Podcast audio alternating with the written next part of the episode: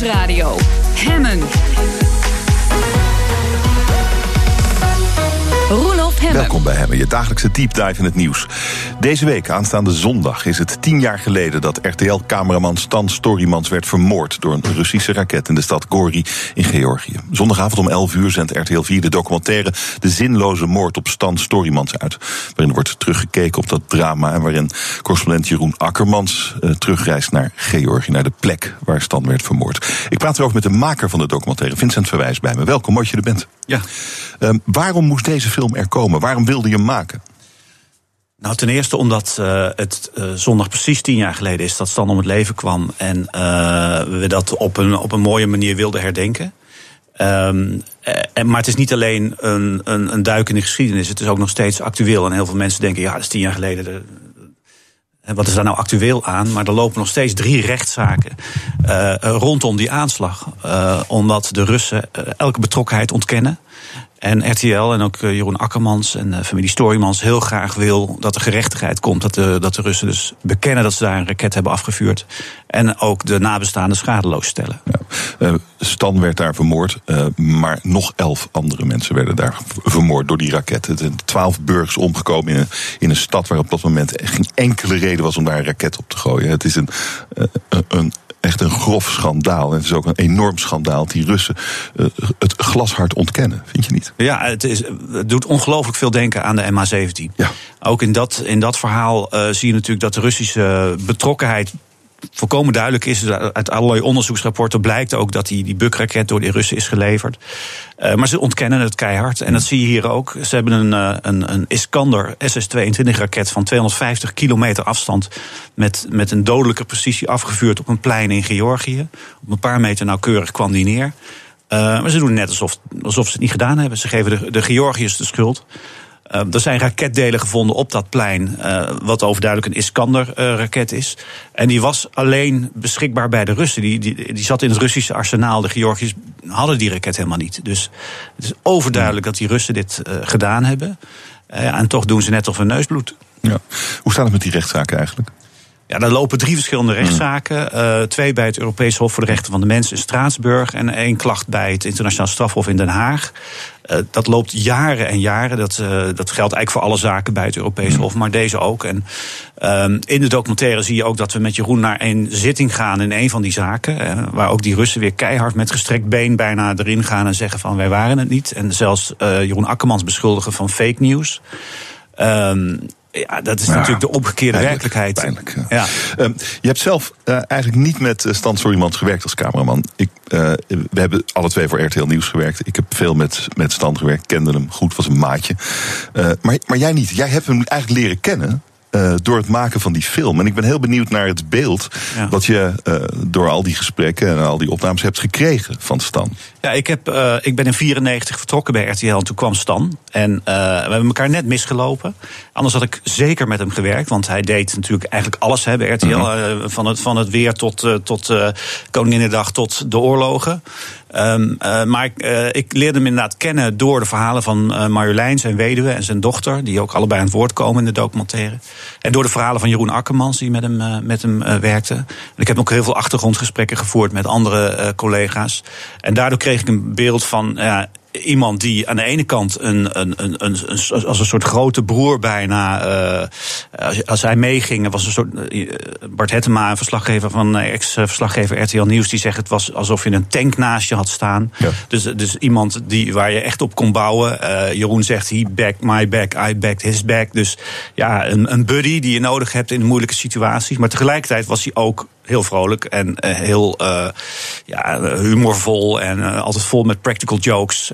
dus het was ook iemand die het leuk was om erbij te hebben.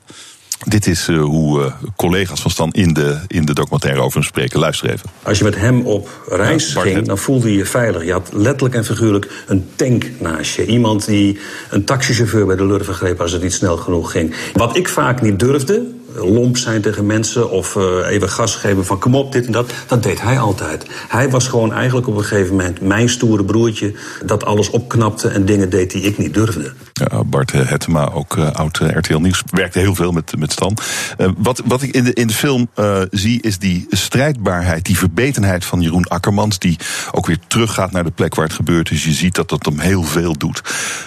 En de, hij houdt nooit meer op met deze strijd. En, en ik zie een contrast met de weduwe van Stan, Marjolein Storymans, die een eigenlijk een, uh, haar leven heeft opgepakt, heeft opgebouwd en meer lijkt te berusten. Ik laat even een stukje van haar, uh, van haar horen. Het uh, gaat nu tien jaar later eigenlijk wel heel goed met ons. De kinderen zijn jongvolwassenen. De ene studeert in Maastricht, de andere in, in Eindhoven. Ik vind het altijd heel, heel rot om te zeggen, maar Stan zijn dood heeft ook heel veel positieve dingen met zich meegebracht. Ja, dat is interessant hè? Ja, nou weet je, ik denk dat uh, wat bij Jeroen heel erg speelt, is dat hij een schuldgevoel had over uh, de dood van Stan. Hoe onterecht ook, want hij heeft die raket niet afgevuurd. Maar uh, je zou het survivors guilt kunnen noemen. Dat zie je ook wel bij mensen die zwaar verkeersongeluk meemaken. En dan zitten vier mensen in de auto en je bent de enige overlevende. Ook al zat je niet achter het stuur, je hebt dan een schuldgevoel. Het, het schijnt heel vaak hmm. voor te komen.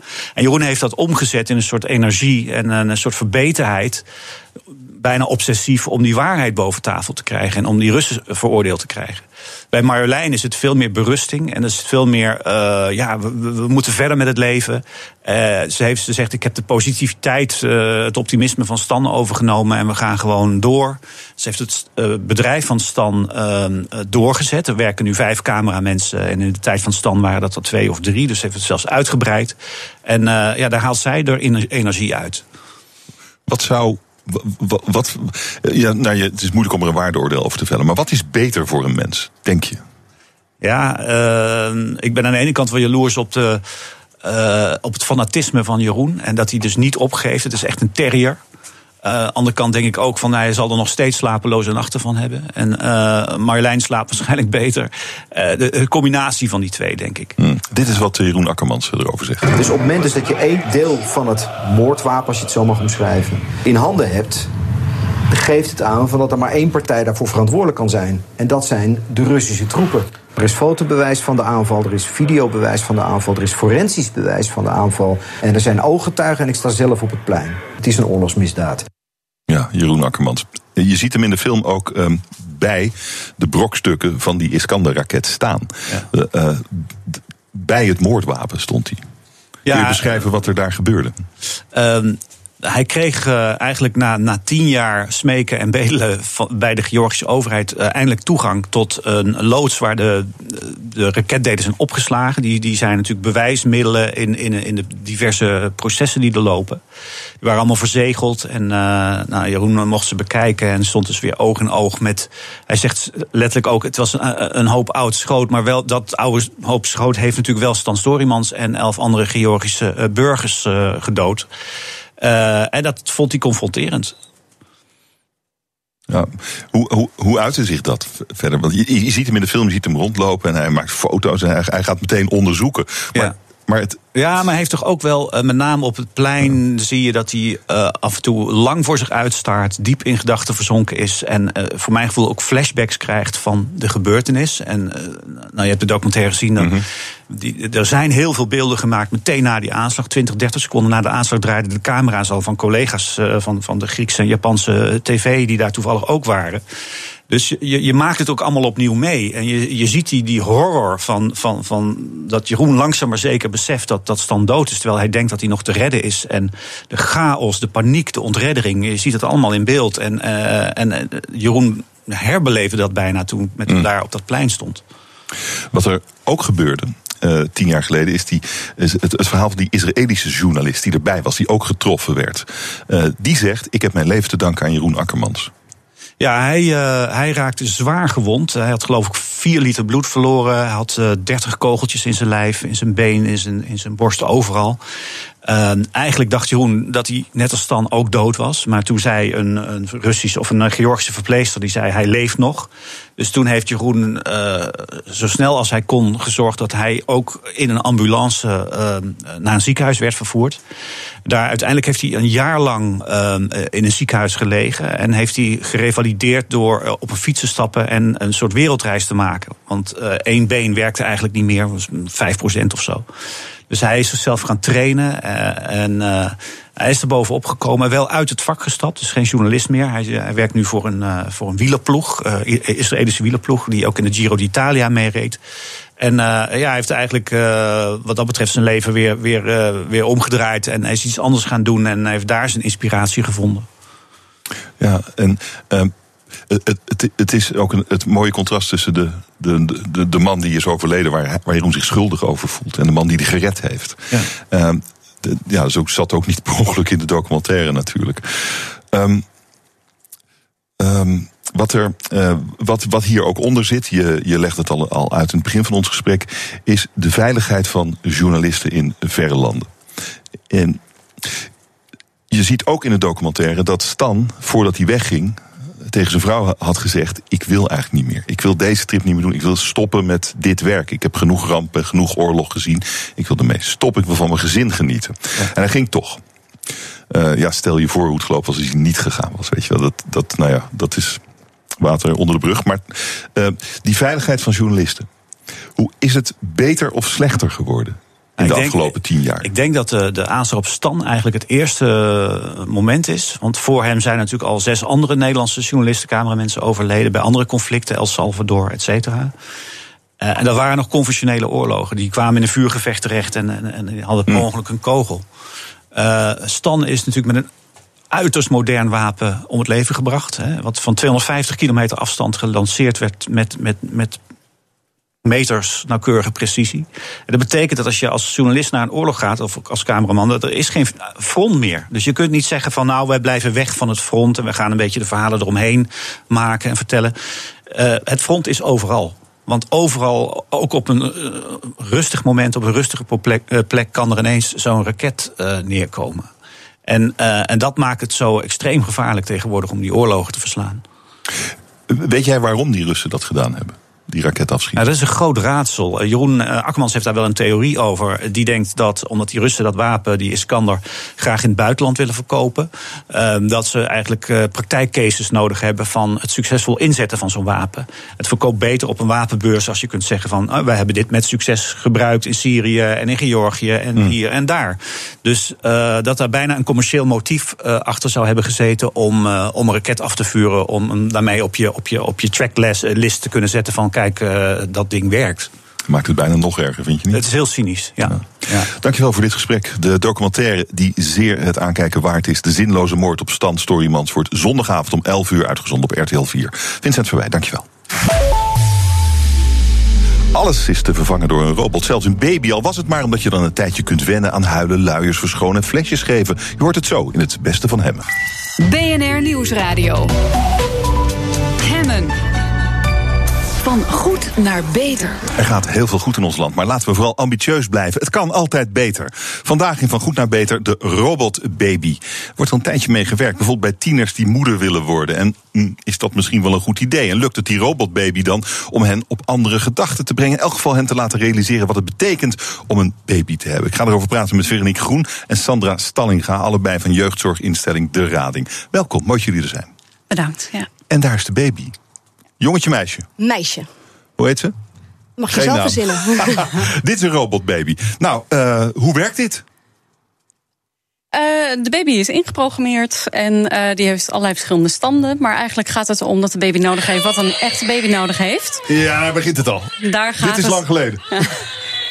wat ga ik nou doen? Ik heb hier een huilbaby.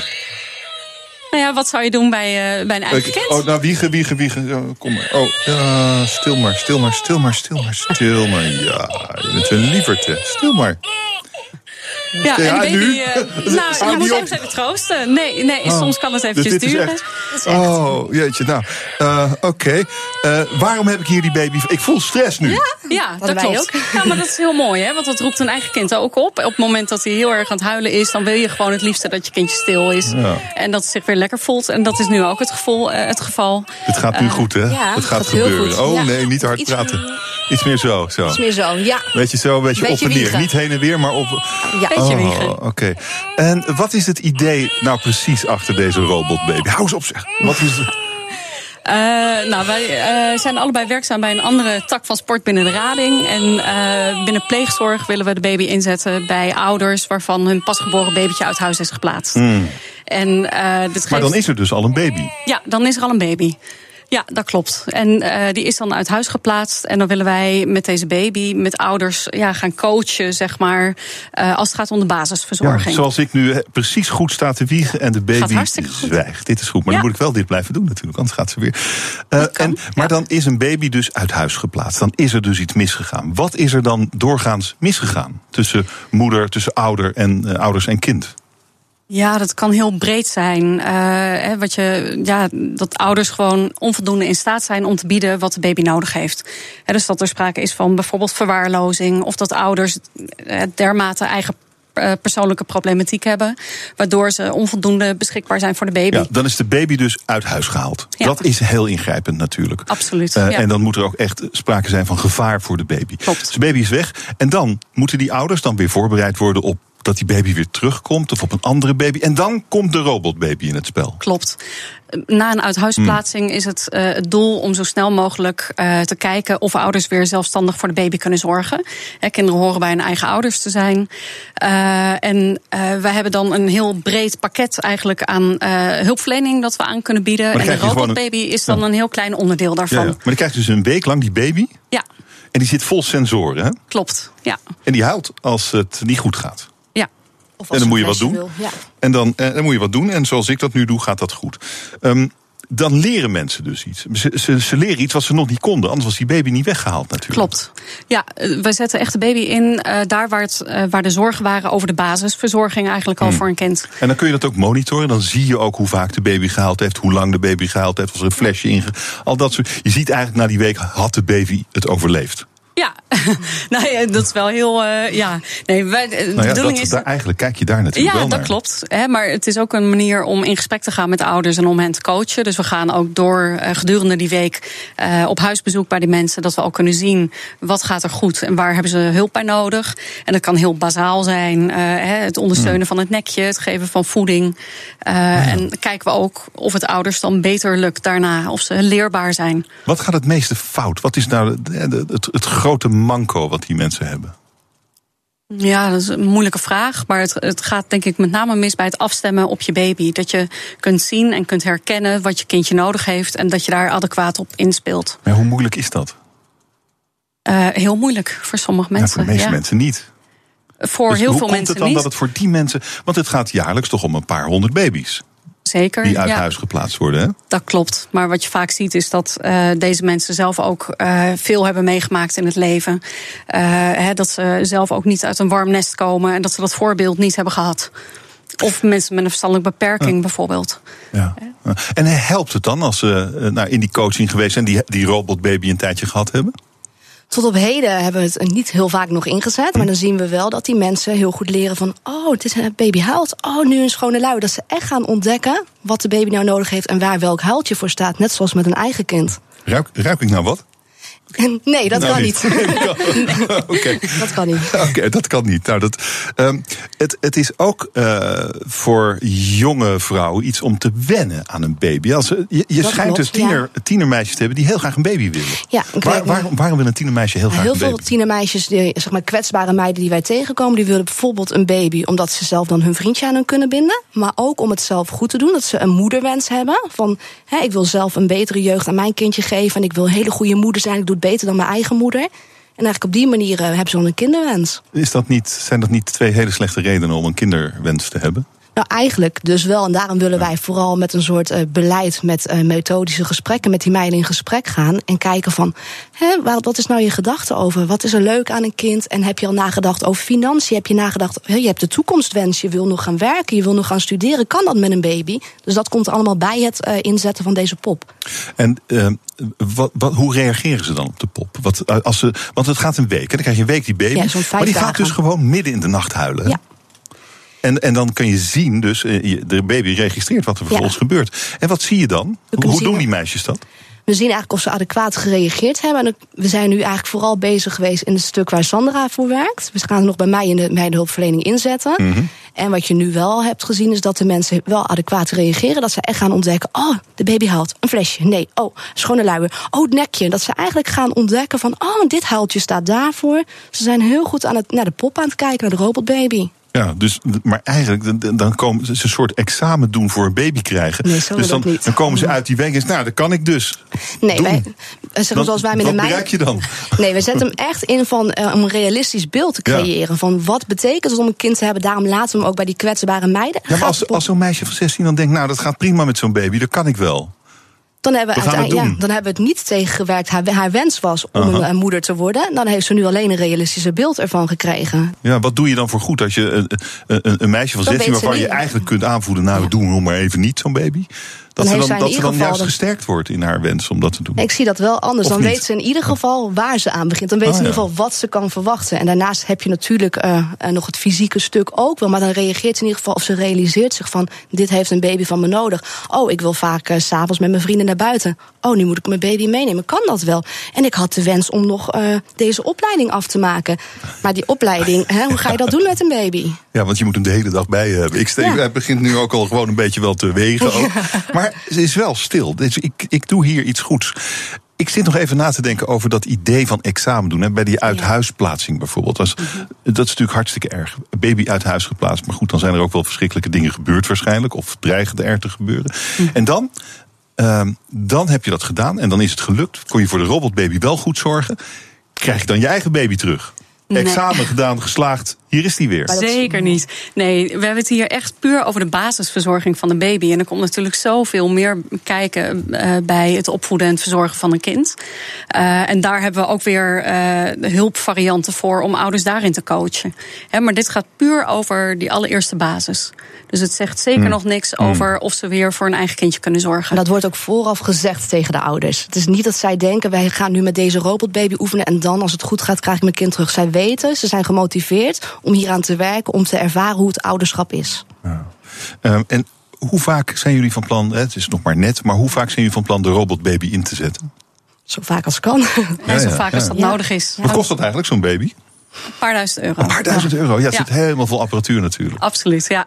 Nee, dat eh, is eh, mede dankzij een eh, innovatiefonds, zeg maar, dat wij de baby's hebben kunnen aanschaffen. Ah, oké. Dus dat is fantastisch. Ik, ik zit me af te vragen, zou het ook wel eens echt helemaal misgaan? Weet je wel, dat iemand zo doodziek wordt van dat gehuil de hele tijd... dat hij gewoon de robotbaby uit het raam gooit? Maar daarom kan. hebben wij ook. eh, echt gebeurt zo- dat ook? Nou, dat hebben we dus gelukkig nog niet meegemaakt. Maar we hebben wel echt contact met de ouders of de jonge meiden die voor de pop, voor de robotbaby gaan zorgen. Wij hebben, we zijn bereikbaar. En we geven ook aan, mocht je het echt eh, zat zijn dat je niet weet wat je kan doen, bel ons dan. Komen we er direct Ja. aan. Maar ook dat is wel weer heel Ja, mooi of, om. of ik er aan het huilen kan krijgen nu, hè? Nee, want Of mij dat heb is, je eruit gezet. Nee. Ze gaat zo hoesten. Oh, hoesten? Oh, oh, oh. Ja, nu deed ik... Ik hou er dus vast aan een beentje. Ja, Dat gaat ze huilen. Maar dit, is dus, dit doen mensen met een baby dus. Ja. Nu wordt inderdaad bij ons geregistreerd dat Oh, er een nee, eh, te ruwe behandeling eigenlijk. is. Maar dat is juist wel weer voor ons mooi om daarover in gesprek te gaan met ouders. Van wat doet het met je op het moment dat je baby zo oorverdovend aan het krijsen is? Hè, want daar kunnen mensen heel erg geprikkeld door raken en boos om worden. Ja, zo, zo gaan Eh, baby's dood, hè?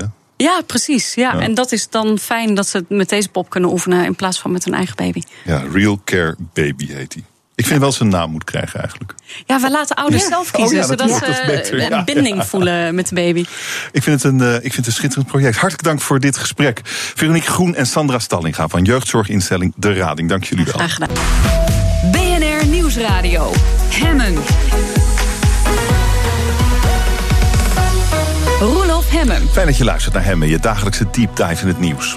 In 15 jaar euthanasiewetgeving is het Openbaar Ministerie nog nooit een opsporingsonderzoek begonnen. Justitie onderzoekt nu vijf zaken waarin artsen euthanasie hebben uitgevoerd. Wat zit daarachter? Ik ga erover praten met Johan Legemaat. Hij is hoogleraar gezondheidsrecht aan de Universiteit van Amsterdam. Dag meneer Legemaat, welkom. Goedemiddag. Uh, laten we beginnen bij het begin. Ingewikkeld uh, onderwerp. Hoe zijn euthanasiegevallen tot nu toe dan getoetst de afgelopen 15 jaar? Ja, we hebben dus sinds 15 jaar de euthanasiewet. En die zegt dat als je euthanasie pleegt als arts, dat je dan na afloop melding moet doen van zo'n geval bij een toetsingscommissie.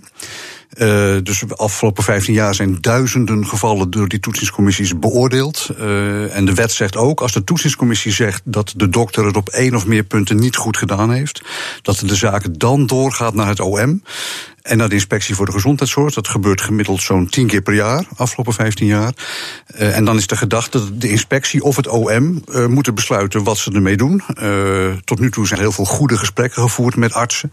Maar het OM heeft nog nooit, althans tot voor kort, nog nooit besloten om een zaak voor de rechter te brengen. En dat is dus in die vijf hele recente zaken anders. Waarom is dat? Ja, er is de afgelopen jaren behoorlijk veel kritiek geweest op het feit dat de OM het nooit heeft gedaan. Uh, dat ze terughoudend zijn, dat begrijpen we wel. Want hoe, hoe agressiever het OM zou optreden, hoe minder artsen bereid zijn om euthanasie te melden. Dus daar moet je echt mee opletten. Dus dat de OM terughoudend is geweest de afgelopen jaren, prima. Maar de kritiek was wel, er zijn toch wel zaken geweest de afgelopen jaren waarvan we best hadden willen weten wat de rechter ervan vond. Ik denk dat ze zich die kritiek uh, nu aan het aantrekken zijn. Uh, en dat we wellicht met een kleine inhaalslag te maken hebben. Wat voor zaken uh, vindt u dat de rechter uh, had moeten zien de afgelopen jaren? Nou, je kunt een onderscheid maken tussen twee uh, uh, soorten zaken. De eerste categorie, dat zijn de zaken waarbij de dokter uh, een fout heeft gemaakt. Waar het gaat bijvoorbeeld om de dosering van de gebruikte medicatie. Nou, dat is niet een soort zaak die aan de rechter zou moeten voorleggen. Maar dat het te weinig is te of weinig, zo, dat er lijden te, te, ontstaat? te, of... Precies, dat, dat de patiënt in het laatste moment toch misschien er iets van merkt. Uh, oh, of dat hij nog niet diep genoeg in coma is. Vervelend. Dat, dat is in strijd met de wet. Maar dat is nou niet per se een kwestie waar je de strafrechter over zou willen horen. Maar we hebben natuurlijk ook te maken met, laten we zeggen, de meer, meer inhoudelijke eisen voor euthanasie. Het verzoek moet vrijwillig zijn. Er moet sprake zijn van lijden. Er moet geen alternatieve behandeling meer mogelijk zijn.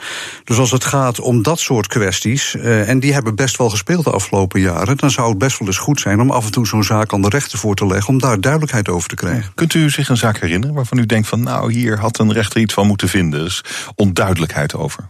Nou, er zijn wel zaken geweest, ook een aantal jaren terug, waarin het bijvoorbeeld ook ging om het gebruik van de wilsverklaringen. Dat, zijn situaties waarin de patiënt een wilsverklaring opstelt en zegt van als ik op een later moment niet meer kan communiceren, dan wil ik toch euthanasie. De wet laat dat op zichzelf toe.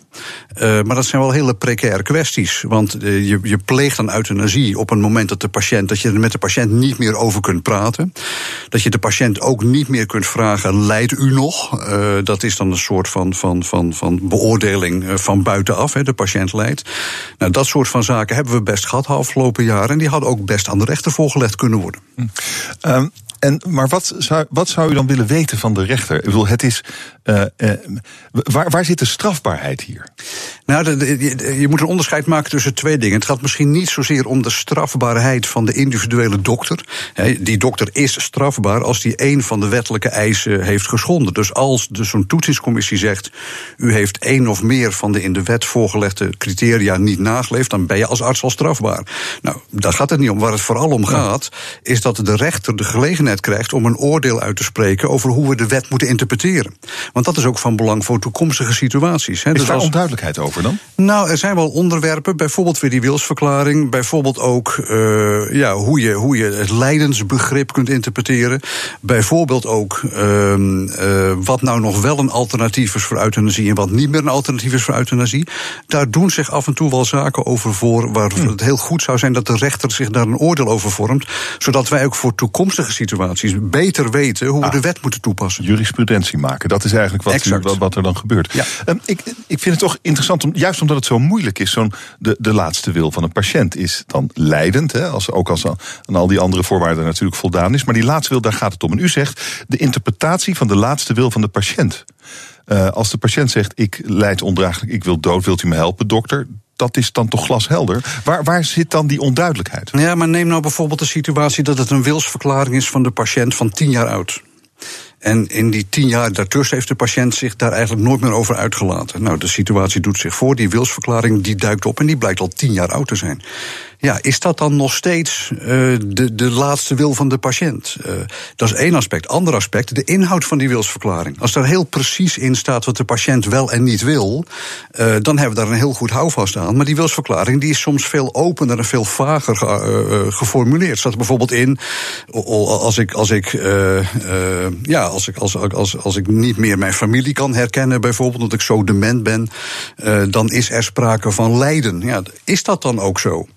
Dus het gaat zowel om de, de, de, de, de datering van de wilsverklaring. Is die recent of niet? Is die tussentijds nog eens een keer herhaald door de patiënt? Aan de andere kant gewoon de inhoud van die verklaringen. Uh, die zijn soms zo onduidelijk dat je als arts er eigenlijk heel weinig mee kunt. En wat doet een arts dan normaal gesproken? Nou, ik denk dat heel veel artsen uh, bij twijfel afzien. Dat wil zeggen, bij twijfel voeren ze het euthanasieverzoek van de patiënt niet uit. Andere artsen zeggen van ja, het is wel, het is wel een wilsverklaring van de patiënt. En die moet ik, ja, ik, ik, ik, zie die patiënt ook lijden, dus ik voer die wilsverklaring wel uit. Nou, dan komt het bij die toetsingscommissie. En die toetsingscommissie heeft al gevallen gehad de afgelopen jaren waarin ze zeiden van nou, wij vinden eigenlijk die verklaring helemaal niet zo duidelijk. Was dit nou eigenlijk wel wat die patiënt wild had? Nou, dat zijn wel voorbeelden van ik denk, dan had het best wel goed geweest als, als het OM ook de afgelopen jaren wel eens een keer die stap naar de rechter had gezet. Maar, maar die toetsingscommissie die ziet die patiënt niet en die dokter wel. Is dat niet een cruciaal verschil? Tuurlijk, maar we hebben nu een wettelijk systeem gebouwd waarin de toetsingscommissie achteraf oordeelt over een zaak op grond van papier. Hè. Het is achteraf, de euthanasie is al toegepast, dus die toetsingscommissies die ziet de patiënt nooit. Uh, er wordt heel veel waarde gehecht uh, aan de verklaring van die artsen. Want dat is de reden waarom we 6000 meldingen per jaar hebben. En per jaar maar gemiddeld zo'n 10 gevallen waarin die toetsingscommissie zegt van foute boel. He, dus de, de, de, de, dat, het verhaal van de arts, de documentatie van de arts, weegt heel zwaar. En leidt er in vrijwel alle gevallen toe dat de toezichtcommissie zegt: uh, akkoord, goed gehandeld. Maar ja, af en toe loop je tegen een zaak aan waarin dat niet, niet het geval is. Ja, dat is dan toch eigenlijk, ja, u zegt het nu wel even weer nadrukkelijk: tien zaken waar iets aan de hand is tegen 6000 gevallen van euthanasie. Uh, dan zou je ook nog kunnen afvragen: is het eigenlijk wel nodig dat het OM die zaken aan de rechter voor gaat liggen als het, als het er zo weinig zijn? Nou ja, we hebben natuurlijk, uh, je kunt uit die getallen afleiden dat wij kwalitatief in Nederland een hele goede euthanasiepraktijk ja. hebben. We hebben ook veel vertrouwen in de medische stand. Uh, aan de andere kant, het is natuurlijk wel een vorm van actieve levensbeëindiging. He, dus je kunt niet uh, als samenleving en als politiek is het heel lastig om te zeggen: dit laten we gewoon aan de dokters over, praten we niet meer over. Nee, het is, blijft iets heel bijzonders. en het in stand houden van dat toetsingssysteem is natuurlijk toch ook wel een factor om die kwaliteit van die praktijk hoog te houden dokters weten ook dat er goed naar gekeken wordt. Uh, ze kunnen om die reden dus uh, gewoon als het ware extra hun best doen bij het aanleggen van dossiers, bij het zich verantwoorden. Dus dat toetsingssysteem klinkt aan de ene kant misschien wat overdreven als je zegt van hé, hey, tien onzorgvuldige gevallen op een jaarlijks totaal van 6000. Tegelijkertijd zou het zo kunnen zijn dat juist dat toetsingssysteem maakt dat die verhouding zo is. Ja. En, en wat uh, het OM nu eigenlijk doet, is uh, eigenlijk nog meer zuiverheid toevoegen. En uh, nog meer toetsing toevoegen, zodat de rechter ook kan tegen een arts kan zeggen: ja, dit mag je wel en dat mag je niet. Dat het duidelijker wordt. Ja, nou dat, dat, dat is het idee. Maar wat, wat nog even bij me bleef hangen, was wat u zei over de, toch die interpretatie van de laatste wil van een patiënt. Dat is natuurlijk uh, als je tien jaar geleden een testament laat maken bij de notaris, dan is dat geldig als je doodgaat. Als je dus, maar zo'n wilsverklaring dus niet.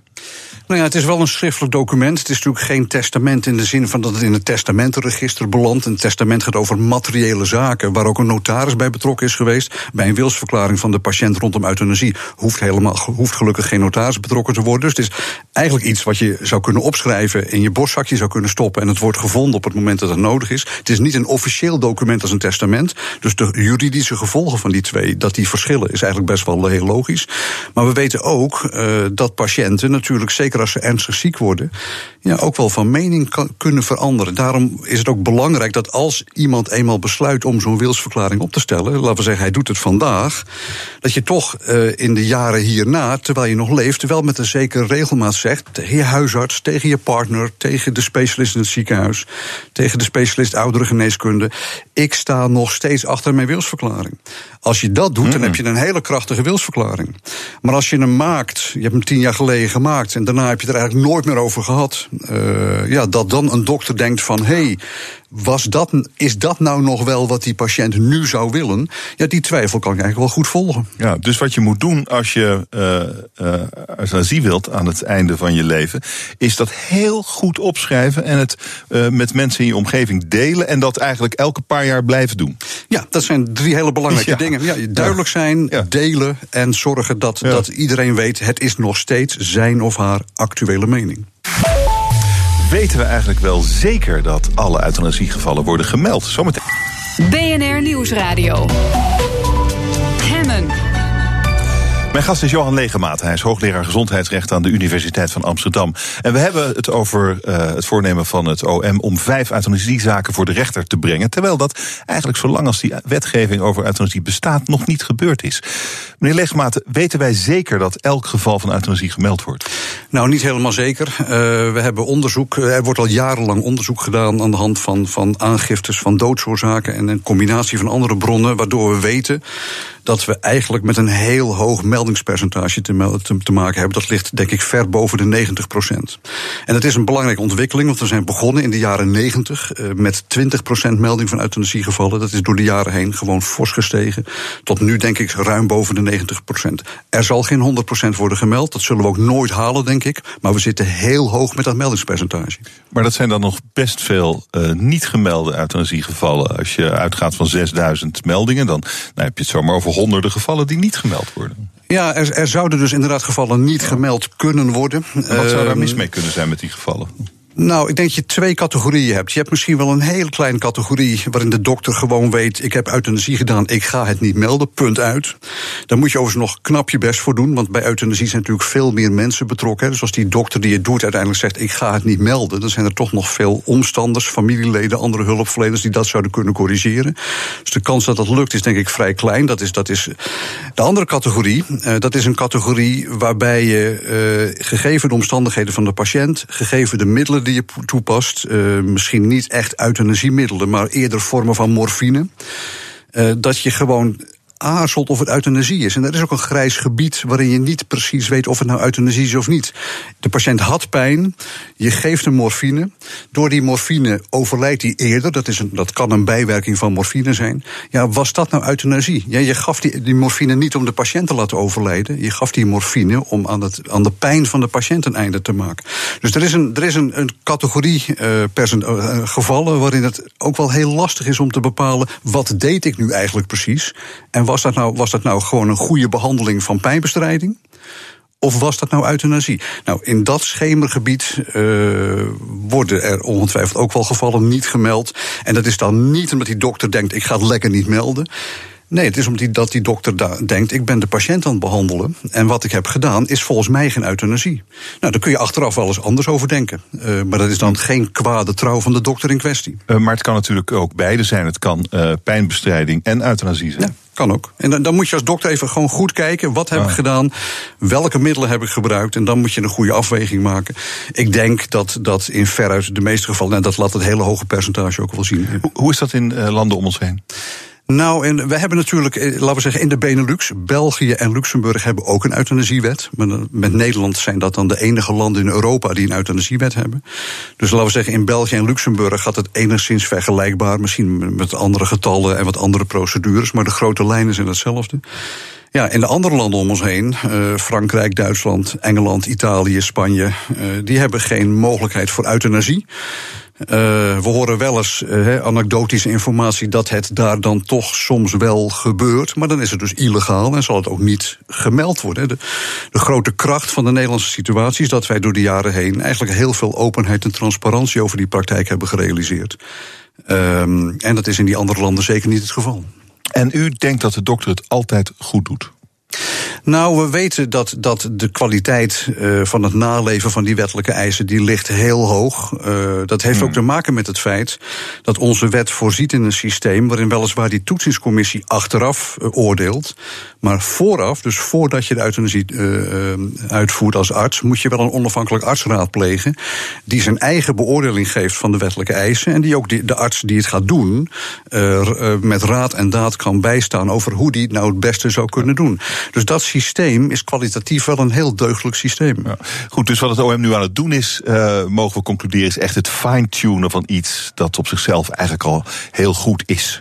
Ja, ik denk dat, dat, is, dat is wat ze doen. Het OM probeert dus een aantal juridische uh, onduidelijkheden in de wet verduidelijkt te krijgen door deze zaak aan de rechter ja, voor te leggen. Um, dus um, dat, zou ook de kans vergroten dat als je het goed doet als patiënt met je, met je laatste wilverklaring, als dat allemaal, als je dat goed geregeld hebt, dan uh, kun je ook uh, die arts niet meer in twijfel brengen. Die arts weet dan gewoon, dit is de laatste wil en ik kan het doen.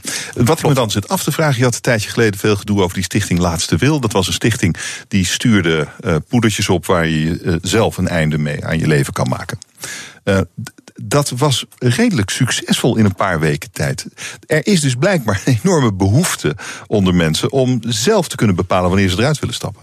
Ja, er zijn mensen die het sowieso zelf willen doen. Er zijn ook mensen die naar de dokter gaan en dat de dokter om een of andere reden zegt: Ik wil het bij jou niet doen of nog niet doen.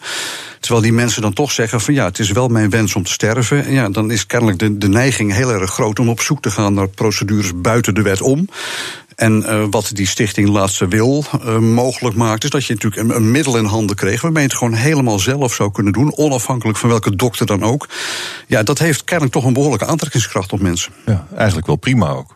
Nou, dat, dat, dat moet je je wel afvragen. Want A, we weten nog steeds niet om welk middel dat gaat. Er is toch wel twijfel over de vraag of het voldoende veilig is. Je weet niet of er hele akelige situaties kunnen zijn. Als je toch net op een wat verkeerde manier uh, inneemt, waardoor je op misschien wel niet meer niet doodgaat, maar in coma raakt, bijvoorbeeld. Dan ben je natuurlijk echt van de regende drup uh, beland. Dus het is in termen van zelfbeschikking en autonomie klinkt het wel heel mooi, maar de uitvoeringspraktijk zou natuurlijk wel uh, heel dramatisch kunnen uitpakken. Plus dat je natuurlijk in de huidige euthanasiewet wordt heel goed gekeken. Is het echt een vrijwillig en wel overwogen verzoek van de patiënt in kwestie? dat poeder kan misschien wel in handen komen van mensen die er nog helemaal niet zo goed over hebben nagedacht. Of die misschien wel onder invloed zijn van een psychische stoornis of anderszins. En dan geef je dus zo'n middel aan mensen die in de huidige euthanasiewet nooit euthanasie zouden hebben gekregen. Dus het is sowieso geen goed idee om het zelf te willen doen, eigenlijk. Nee, ik denk dat dat, dat, dat overwegend veel meer nadelen dan voordelen heeft. Ik uh, dank u hartelijk voor dit gesprek. Johan Legemaat, hoogleraar gezondheidsrecht aan de Universiteit van Amsterdam. Dank u zeer. BNR Nieuwsradio. Hemmen. Vandaag blaast Kylie Jenner 21 kaartjes uit. Kylie ken je misschien als een van de zusjes in de reality-serie Keeping Up with the Kardashians. Ze is 21 jaar, niet zo bijzonder, maar nou komt het, ze is bijna miljardair. Hoe heeft ze dat voor elkaar gekregen? Jessica Ranselaar zocht het uit. I have been dreaming of this moment for way too long. This eyeshadow palette is literally my baby. Dit is Kylie Jenner ten voeten uit. De jongste Kardashian Jenner telg verkoopt must-have make-upjes. Waar heel wat celebs hun parfum, kleding, make-up niet aan de straatstenen kwijtraakten, loopt Kylie Jenner flink binnen. Jenner vergaarde haar fortuin via Instagram, reality shows en make-up.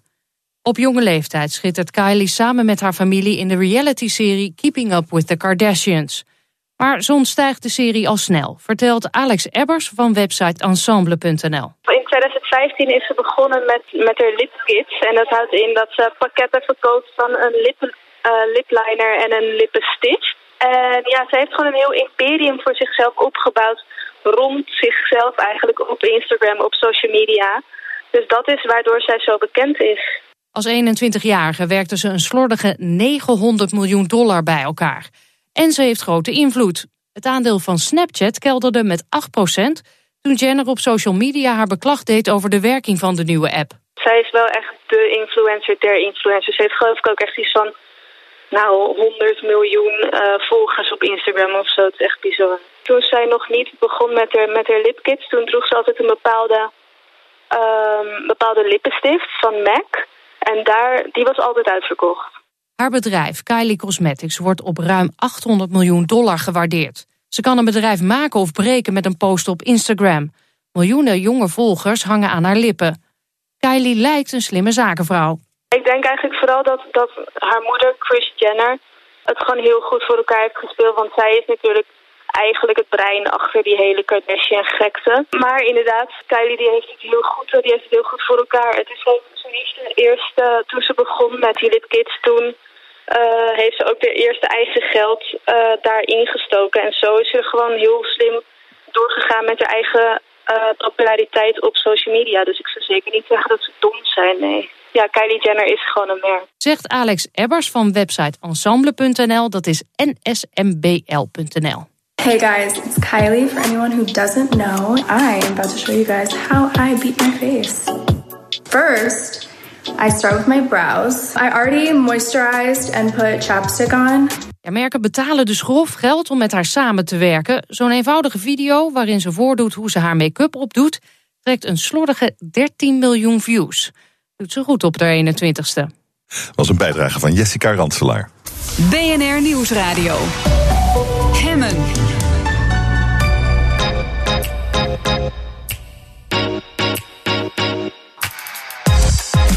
In de zomer gaat ook Hemme op vakantie. Daarom spreek ik elke dag een van mijn leukste gasten vanuit zijn hangmat op vakantie. Vandaag is dat autosportverslaggever Allard Kalf. Hi Allard. Hallo, goedemiddag. Waar ben jij? Ik ben in Limburg, in Gratum.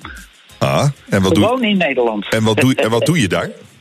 Ja, ik, ben, eh, ik heb een paar dagen vrij, of eigenlijk een kleine week vrij. En dan neem ik mijn paard mee en dan ga ik lekker op een wedstrijd. En dan eh, heb ik een stalletje en, eh, en dan zijn we lekker een weekje op stap met z'n tweeën. Eigenlijk vijf dagen. En, en, maar, en jij en je paard, verder niemand? Nee, nou ja, mijn trainer komt af en toe kijken Aha. als, ik, eh, als, ik, eh, als ik een wedstrijd moet rijden. Maar voor de rest zijn we lekker met z'n tweeën. Wat en eh, er zijn er ook wel andere mensen hoor. Ik ben niet allemaal, eh, ik ben niet als Remy, uh, Remy op stap. Nou, ja, de, de man en zijn paard. Hoe heet je paard? Ja, dat is eh, helemaal voluit is het My name is Sue, how do you do? En, eh, Johnny Cash. En, eh, juist, Johnny Cash, heel goed. en, en, en kort is gewoon howdy, hè. Dat, Howdy. Oh, leuk. En je, je zegt dat je wedstrijden rijdt met, met Howdy. En Ja. wat zijn dat dan voor wedstrijden? Ja, dat, dat is eh, een, een, een tak van de paardensport, dat heet reining. Dat is eh, de western eh, tak van de paardensport. Dat komt uit Amerika.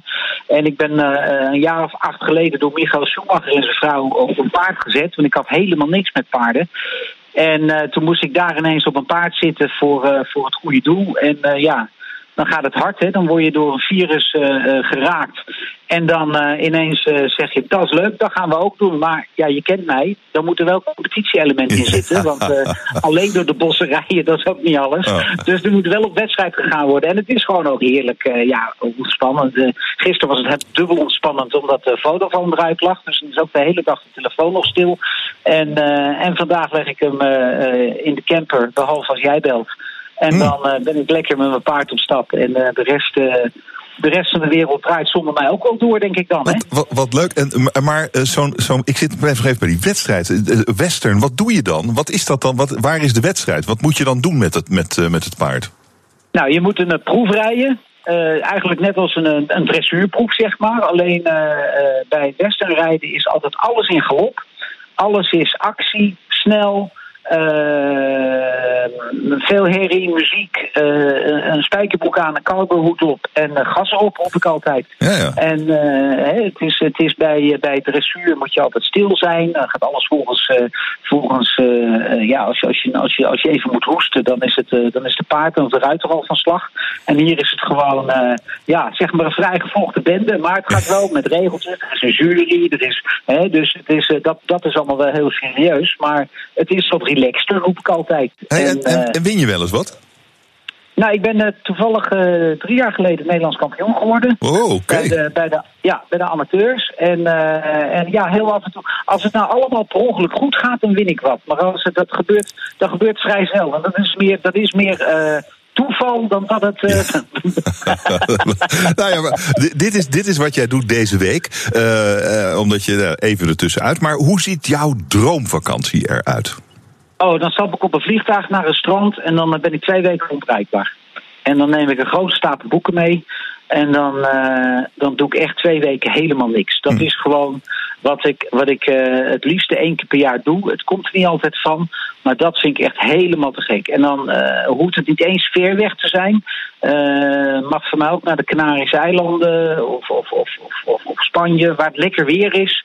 En gewoon twee weken poten omhoog en niks doen. Ik wens, je Lekker, nog, ik wens je nog heel veel plezier in eh, Limburg met je paard, Allard Kalf. Vanuit Limburg, dankjewel. BNR Nieuwsradio. Hemmen. Hemmen. Fijn dat je luistert naar Hemmen, je dagelijkse deep dive in het nieuws.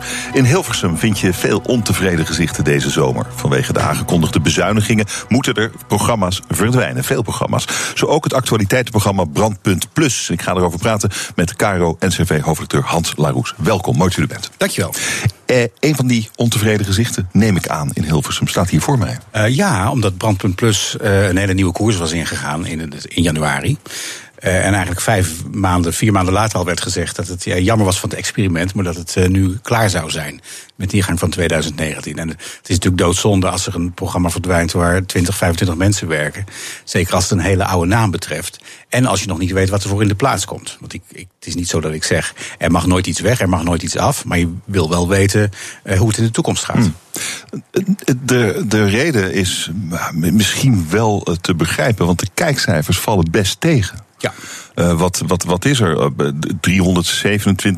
327.000 op uh, dinsdagen heb ik, heb ik gelezen. Mm -hmm. Op donderdagen 205.000.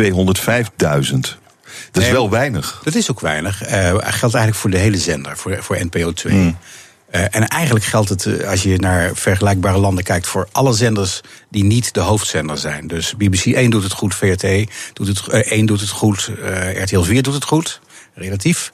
Uh, NPO 1 doet het goed en al het andere, uh, ja, dat heeft te maken met, uh, met een heel ander kijkgedrag. Mensen zitten niet meer een hele avond naar NPO 2 te kijken. Of kiezen niet specifiek voor een programma als Brandpunt. Zeker niet als het maar 18 minuten lang is. Dat trekt in zijn, eentje niet voldoende kijkers. dus dat je iets anders met die zender moet. Dat snap ik. Alleen dat het programma dat het meest experimenteert, ook met een aanpak qua journalistiek, dat vind ik dan erg jammer. Ja. Uh, maar goed, 25 mensen voor 18 minuten. Uh, en dan de, deze twee keer per week. Twee keer per week. Ja, de, en dan, maar goed, dan, dan, dan deze cijfers. Dan is er toch ook iets uh, misschien toch niet gelukt. Want dit waren natuurlijk niet de cijfers waar jullie van droomden. Nee, hoewel wij altijd gezegd hebben aan het begin: kijk, een programma van 18 minuten, twee keer in de week zal nooit in zijn eentje uh, plotseling heel veel meer kijkers trekken. Voordat, voordat mensen dat programma vinden, mm -hmm. zijn ze wel even bezig. Dus je bent er ook erg afhankelijk van wat er elders op die zender gebeurt.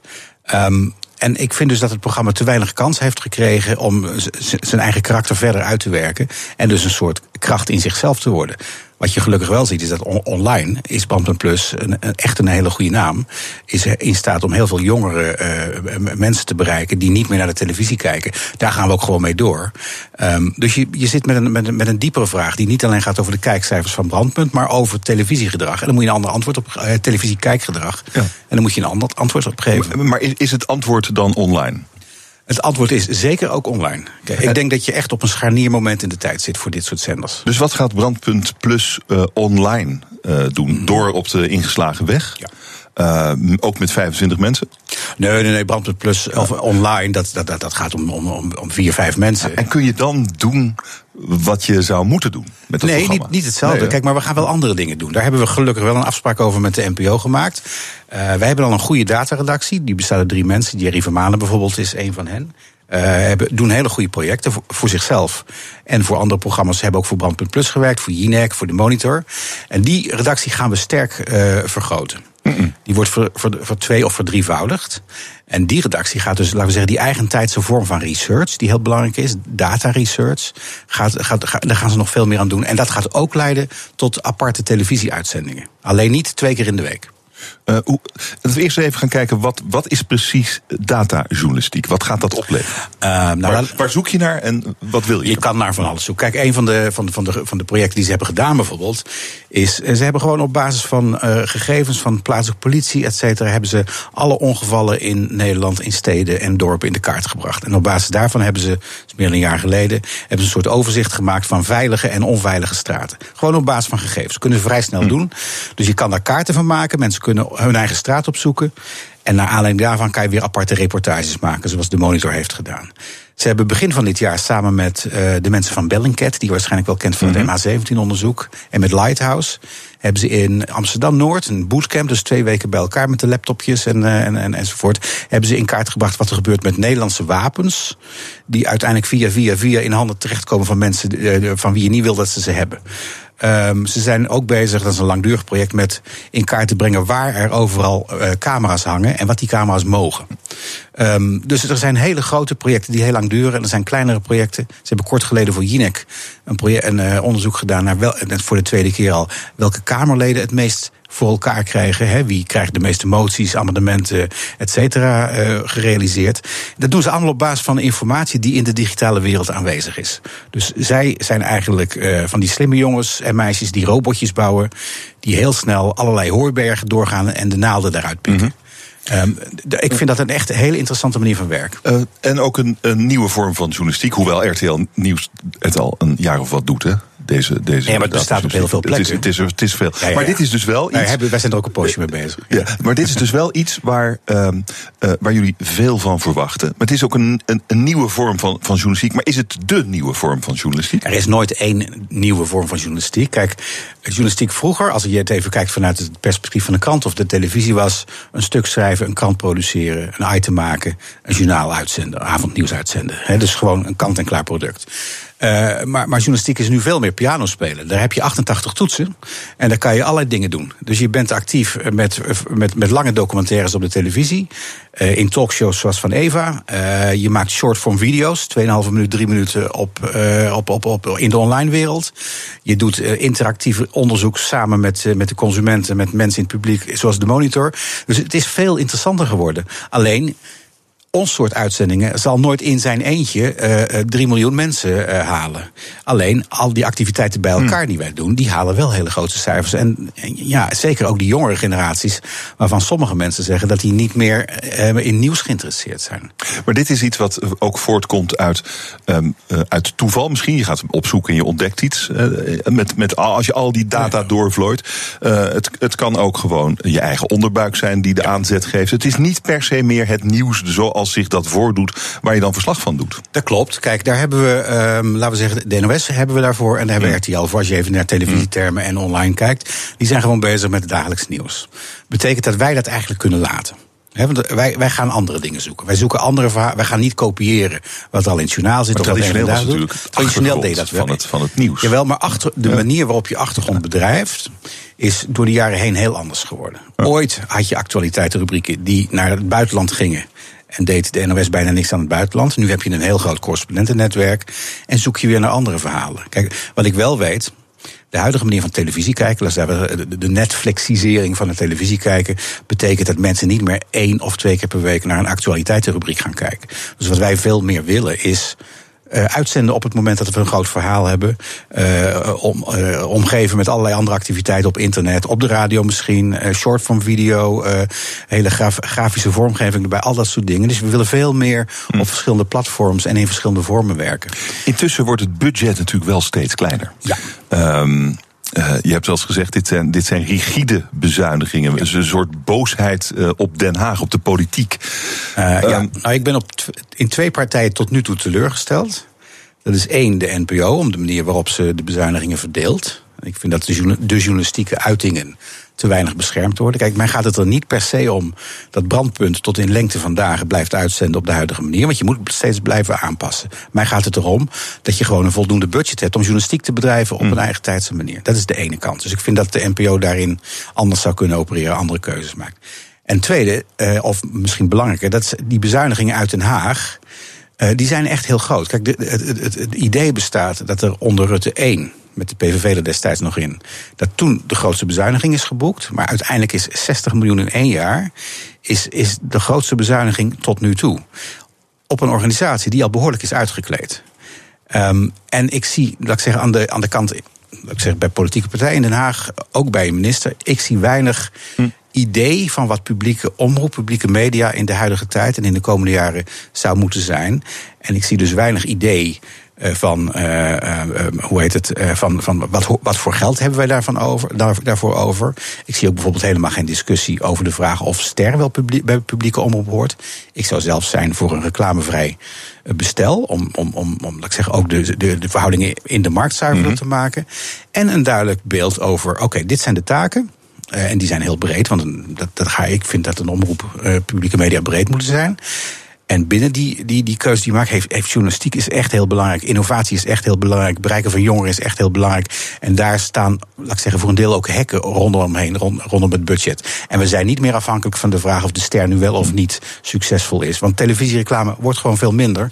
Daar En komen deze bezuinigingen natuurlijk daar, vandaan. daar komen deze bezuinigingen vandaan, ja. Eh, Als de NPO, je zegt ben ook boos op de NPO, de- vanwege de keuze voor, voor bezuinigen op journalistieke producties. Mhm. Waar zou de NPO dan beter op kunnen bezuinigen? Reisprogramma's met BN'ers wordt dan vaak gezegd. Er wordt, ja, maar, er wordt heel vaak wordt, wordt, wordt natuurlijk heel demagogisch over Nou. gesproken. Dan gaat het over salaris. maar, maar, maar waar, waar, zit, waar zit dan de bezuiniging? Stel je voor, denk- die, die 60 miljoen moet eruit. Waar moet die Nou, volgens mij moet er geen 60 miljoen uit. Dat, Dat- is, dat is wel wat- dat dat is wat de NPO nu zegt. Ja. Terwijl eh, de minister zelf heeft aangegeven, en ook de omroepen, dat het niet zoveel hoeft te zijn. Oh. Maar goed, de NPO houdt nu nog vast aan 60. Hoeveel is het dan? Eh, volgens mij zou er een, miljoen of 10, 12 bezuinigd moeten worden als je alles bij elkaar optelt. Dus dan zou, het zou kunnen meevallen. Alleen, dat wordt niet doorgegeven tot nu toe aan de, aan de programmamakers. En daar zou ik wel voor zijn. Ehm, maar ja, kijk, de- de- de- ik, ik denk dat je, eh, dat je echt eh, zou moeten zeggen: wat willen wij nou van publieke media in 2020 en verder? Wat is de waarde daarvan en wat willen we daarvoor betalen?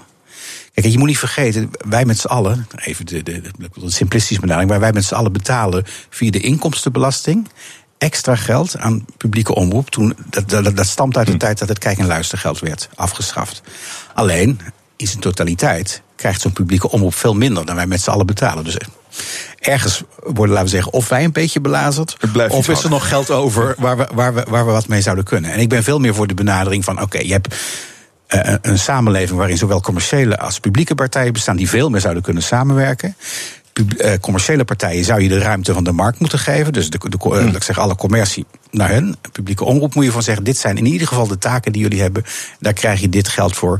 En jullie zijn een dragende innovatieve kracht. En wat jullie eh, bedenken, dat, eh, dat geef je ook weg aan de commerciële wereld. Je kan dus allerlei afspraken maken waarin je wat intelligenter met, eh, met, met media en de, de verhouding commercie-publiek omgaat. Hm. Ehm, maar die 10, 12 miljoen, wat veel minder is dan 60, Mhm. nou hartstikke fijn. Waar zou die, maar die moet wel ergens vandaan komen. Waar moet die dan weggehaald worden? Je zou toch niet dat moeten weghalen bij journalistieke programma's? Nee, nee, nee. Kijk, voor een deel ehm, is, er, eh, is er geld over in de reservepotjes. Ja. Omroepen hebben aangegeven, en de minister ook, dat dat ergens rond de 25 miljoen is. Voor een, de- de- een deeltje eh, krijg je terug uit Den Haag voor kostenstijgingen. en dan heb je nog hier en daar wat, wat posten waar je, waar je wat vandaan kan halen. Wat je, laat ik zeggen, binnen de, binnen, de, binnen de huidige aanpak zou kunnen. Je zou kunnen zeggen, misschien moet er minder geld naar dagtelevisie. Misschien moet er meer geld naar journalistiek. Dat soort keuzes zou je kunnen maken. Eh, en ergens binnen die black box van de NPO worden die keuzes wel gemaakt. Alleen, mij zijn ze niet helemaal duidelijk. En wij worden er niet erg bij betrokken. We krijgen ze te horen aan het eind. Dus er is in dit systeem ook nog wel heel wat te verbeteren. Hans Laroes is mijn gast. Hij is de baas van Brandpunt Plus. Daar hadden we het net over. Maar hij is ook de baas van programma's als Jinek en De Monitor. En daar gaan we het zo over. BNR Nieuwsradio. Hemmen. Hans Laroes is mijn gast. Hij is hoofdredacteur journalistiek bij Caro NCRV. En dat betekent dat hij de baas is van programma's als Jinek, Laat op 1 en De Monitor. Ehm, de toekomst van de televisie, we hadden het er net over. Ja, eh, Netflix is misschien wel de toekomst van de televisie. Ehm, wat, wat zou je eh, denken dat eh, de, de Nederlandse televisie, Caro NCRV bijvoorbeeld, over een jaar of vijf à tien aan het doen is? Eh, inhoud maken. En dat op allerlei plekken wegzetten. En dat op een andere manier dan, dan, dan nu. Kijk, de, de, de manier waarop je verhalen vertelt nu is anders dan, dan tien jaar geleden. Maar de samenwerking met mensen in het publiek is ook heel anders dan tien jaar geleden. En dat zijn trends die zich voortzetten. Maar ik denk. Je zal, nog, je zal een plek hebben, denk ik, eh à la Nederland 1, NPO 1, waar de grote programma's zitten, waar mensen aan het eind van de dag naar een, eh, een, live talkshow kijken, waar grote evenementen zich afspelen. Eh, ik denk dat de andere zenders marginaliseren verder, 2 en 3. Ik denk dat dat geldt ook voor, voor de andere eh, commerciële omroepen. Die zullen veel meer eh, hun plek op internet eh, vinden. En wij zullen veel meer maken voor, de mensen die dat, voor, voor, voor het publiek, ehm, aan, aan inhoud, aan content, in allerlei lengtes, in allerlei vormen. Wat die mensen, eh, laat ik zeggen, zien op het moment dat het beschikbaar is. Of het nou 7 uur s ochtends is of 11 uur s avonds is. En waar ze vervolgens mee kunnen interacteren. En waar ze dingen aan kunnen aanvullen, et cetera. Dus in die zin is de journalistiek, is de televisie eh, behoorlijk het veranderen. Dat vind ik heel interessant. Ik, ik vind een gaaf voorbeeld eh, hiervan is wel het programma De Monitor. Met uh, uh, Teun van de Keuken, die daar eigenlijk op basis van tips van kijkers, of de verwondering van kijkers, op onderzoek gaat. Ik, ik, ja. ik, zat vanmorgen nog even te kijken naar die aflevering over hoogbegaafde kinderen. Mm -hmm. Heel interessant. En ja. het is journalistiek, maar uh, wat is eigenlijk de aanleiding? Er is eigenlijk geen aanleiding. Journalisten zoeken natuurlijk altijd aanleidingen om iets te gaan ja, doen. Maar dit is gewoon de verwondering van burgers ja. die een tip geven daarover. Klopt, dat klopt. Dat, dat is dus een groot verschil met hoe het vroeger ging. Hè? Want op een redactie werd een onderwerp uh, gemaakt en zes weken later werd het uitgezonden, of een dag later. In dit geval zeg je gewoon, jongens. Um, uh, Blanco speelveld, wat speelt er? Waar ben je verbaasd over? Waar loop je tegenaan? En wat is interessant voor anderen? Want, ik bedoel, mensen die een probleem hebben dat alleen zichzelf aangaat, daar kan je niet zoveel mee. Maar mensen die problemen hebben waarin heel veel andere mensen zich herkennen, dat is heel interessant. En wat wij dan doen is inderdaad ja, op basis van tips dingen gaan uitzoeken. Dus je ziet een dossier dat zie je vooral online eerst, zie je in werking. Mensen uh, vullen aan, mm. zijn bereid op televisie te komen, uh, fungeren als bron, sturen je stukken toe, schrijven hun ervaring op. Ja, en, en, en daar, op basis daarvan maken we uiteindelijk ook televisie. En, en tussendoor kleine filmpjes die, op on, die online hun werk doen. Dus in dat, ja, in dat geval zie je dus een heel goed samenwerkingsverband tussen, laten we zeggen, de professionele journalistiek en mensen in het publiek. Ja. Waarbij wij ons eigenlijk opstellen als een soort bondgenoot van mensen die tegen regeltjes of problemen of ingewikkelde wetgeving aanlopen. En we kijken wat kan er anders. Uh, dat, dat is innovatieve journalistiek. En dan, uh, je bent ook verantwoordelijk voor uh, Jinek. Mm -hmm. Laat op één op dit moment. Eva is, is er even niet. maar dat is eigenlijk heel ouderwets. Je gaat aan tafel zitten, je nodigt een paar mensen uit en je gaat praten over het nieuws. Ja. Maar niet alles wat je vroeger deed uh, moet meteen worden afgeschaft. Maar wij zijn ook heel ouderwets bezig. Wij staan in, ja, in de studio met elkaar te praten. nee, maar het gaat er mij dus niet om dat alles wat nieuw is per definitie goed is. En alles wat oud is per definitie moet worden afgeschaft. Um, de, de, er is gewoon veel belangstelling om aan het eind van de dag over actuele en andere soorten ja. kwesties te praten. En wat het innovatieve betreft, dat vind je weer bij ons op de online wereld. Want Eva heeft ook haar eigen uh, online wereld. En heeft bijvoorbeeld een, uh, een, chatbot waarmee je, laten we zeggen, met haar kan praten. En waarin hm. zij, dat is ook belangrijk, uh, vanuit haar opvattingen. verhalen doorstuurt die jij waarschijnlijk anders niet gezien zou hebben. Dus het is ook een poging om te helpen de bubbel van ieder individu een beetje te doorbreken. Dus de innovatie zit hem dan meer in de online wereld. Uh, en zit hem iets minder in de manier waarop je de televisie maakt. Uh, maar dat is, er kan een moment komen waarop je zegt: Nou, oké, okay, het huidige format werkt niet meer. Gaan we, gaan we veranderen. Maar op dit moment is het gewoon een groot succes. Het, ja, qua kijkcijfers is het een groot succes. Maar je moet je natuurlijk wel afvragen: wie zit er te kijken? Mm -hmm. uh, en vermoedelijk zijn dat geen jongeren.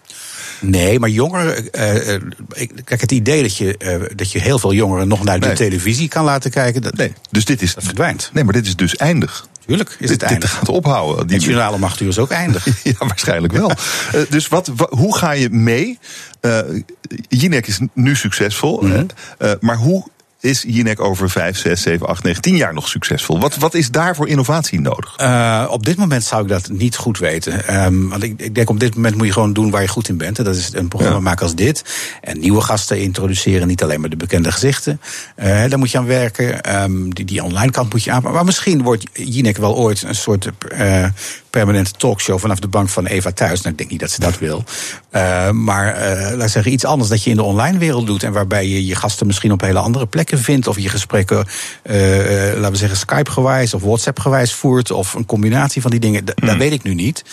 Um, ik weet wel dat je, je kan de toekomst schetsen, maar hij gaat altijd anders. Het mm. enige is dat je er open moet zijn voor die verandering en er op tijd bij moet zijn om te voorkomen dat, uh, dat jij de enige dinosaurus bent die nog niet weet dat hij is uitgestorven. We zien uh, nu uh, Nadia Moussaïd, Eva Jinek vervangen. Zij mm -hmm. krijgt daarvoor lovende kritiek. Ja, dat is heel fijn. Wat maakt haar zo goed? Um, wat haar zo goed maakt is de redactie. Het is de redactie van Eva, die gewoon heel erg goed is. Dat, dat zie ik, ik, ik ben er nu vaker dan in het verleden, maar dat zie, dat zie ik iedere keer voor me. Plus het feit dat Nadia een hele natuurlijke en vriendelijke en open en sympathieke presence heeft op televisie. En natuurlijk ook wel enige ervaring heeft opgedaan met, uh, met een talkshow. En dat werkt op dit moment uh, heel goed. Dat, uh, Kijk, je, zit altijd met een beetje eh, zenuwen in je lijf eh, te wachten wat er gebeurt na de eerste dag. Want je weet dat het is zomer. eh mediajournalisten en recensenten hebben niks anders te doen dan ons lastig te vallen. Ehm, en als je dan merkt na één, twee dagen dat iedereen hetzelfde stukje schrijft, namelijk dat het heel goed is en dat het heel goed gaat. En als je dezelfde reacties ziet van het publiek, dan is dat dus heel fijn dat Eva op deze manier vervangen kan worden voor die vijf weken waar het nu om gaat. En daarna, wat gaat Nadia dan doen? Ja, dat gaan we dan bekijken. Ja, ja. Kijk, Nadia werkt nu bij Ik zou Brandpunt. nu al bekijken. Ja, ongetwijfeld vindt de NPO er ook iets van, want die moeten ruimte maken voor programma's. Nou, kijk, het is natuurlijk zo dat als iemand het goed doet, ga je kijken wat hij dan kan. Maar al, eh, ik zeggen, het al, alles bepalende is dat Eva gewoon op 1 januari weer terug is. Want het is vervanging. Dus je gaat, als, als we iets gaan doen, zal het anders zijn dan wat het nu is. De baas van de NTR vond eh, Nadia ook heel goed. En die maakte de vergelijking met eh, Margriet van der Linden. Haar programma M, eh, dat is ook Caro NCRV, maar niet jouw verantwoordelijkheid als ik, als ik het wel Nee, het is wel dezelfde omroep, maar het valt niet onder Ja, maar zij werd eigenlijk door de NTR-baas afgemaakt als iemand die niet luistert naar antwoorden. En echt het, het totale het tegengestelde van wat Nadia doet. De NTR-baas heeft volgens mij de neiging om zich om de, om zoveel tijd met van alles te bemoeien. Ehm, ja, daar neem ik kennis van. Kijk, ehm, het, het raar is het. Het is heel vervelend voor Margriet. Ja, maar kijk, ehm, weet je. Iedere redactie, ieder programma heeft tijd nodig. Het, het, het grote verschil met Nadia nu is dat Nadia in een omgeving komt die al heel goed is en, heel, en bestaat. Een hele goede redactie, een tijdstip dat, dat, dat, dat, dat, nou ja, dat, waar iedereen naar wil kijken aan het eind van de dag, zeker ook in de zomer. Ehm, en Margriet heeft een nieuwe redactie. En ik vind het heel belangrijk dat je een nieuwe redactie eigenlijk ook de tijd geeft om een programma te maken. Dat, dat kon vroeger iets makkelijker dan nu. En vroeger bestond Twitter nog niet en ging nog niet iedereen zich ermee bemoeien. Eh, vroeger had je ook omroepdirecteuren die zich overal mee bemoeiden, maar daar, daar nemen we kennis van, eerlijk gezegd. Ik denk dat, dat ja, Margriet moet gewoon de tijd hebben om, om, om, om verder te sleutelen aan dat programma. En het idee dat het geen goed programma is, wat, wat, hier, wat je hier en daar hoort, is een beetje onzin. Want het is best een aardig programma. Alleen je ziet eh, dat, het een, dat het nog in, in, ja, hoe zou ik het zeggen? Het is eh, in werking. Bij, eh bij Jinek weet je, en bij Pauw weet je wat voor programma je krijgt. Dus als er iets aan wordt, aan wordt gesleuteld, is het marginaal, zal de kijker het niet eens zo merken. In dit geval, dit is een programma dat, dat bezig is zijn vorm te vinden. En net zoals een, een, een- ja, de competitie begint, een, de voetbalcompetitie, een voetbalteam zal op zichzelf zal, zal moeten worden ingespeeld. Spelers zullen moeten wennen elkaar. Dat is bij een televisieprogramma ook zo. En ik, ik zou er een beetje rustiger mee, mee doen. Ik zou gewoon Margriet de tijd geven. Want volgens mij is die potentie heel erg groot. Wa- waarom is zij niet jouw verantwoordelijkheid eigenlijk? Eh, dat heeft Best eh, wel journalistiek. Engels, eh, Engels term spam of attention.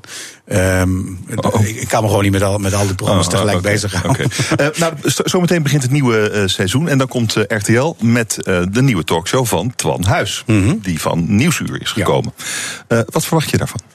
Weet je, dat weet ik eerlijk gezegd niet. Ehm, ik vond Twan niet automatisch bij RTL passen. Ehm, dus ik weet ook niet of het iets zegt over een nieuwe koers van RTL. Of dat, dat het gewoon zo is van je belt een aantal mensen en uiteindelijk komt Twan. En eh, dan moet je het maar met elkaar weten te vinden. Ik weet dat hij een deel van de redactie van Nieuwsuur heeft meegenomen. Dus ik ga ervan uit dat hij, dat hij, ja, ik zeggen, dat hij, dat hij de lijn van zijn soort journalistiek met, een, met lichte aanpassingen wil doorzetten. Eh, ja, en dan moet blijken eh, of dat past op RTL 4.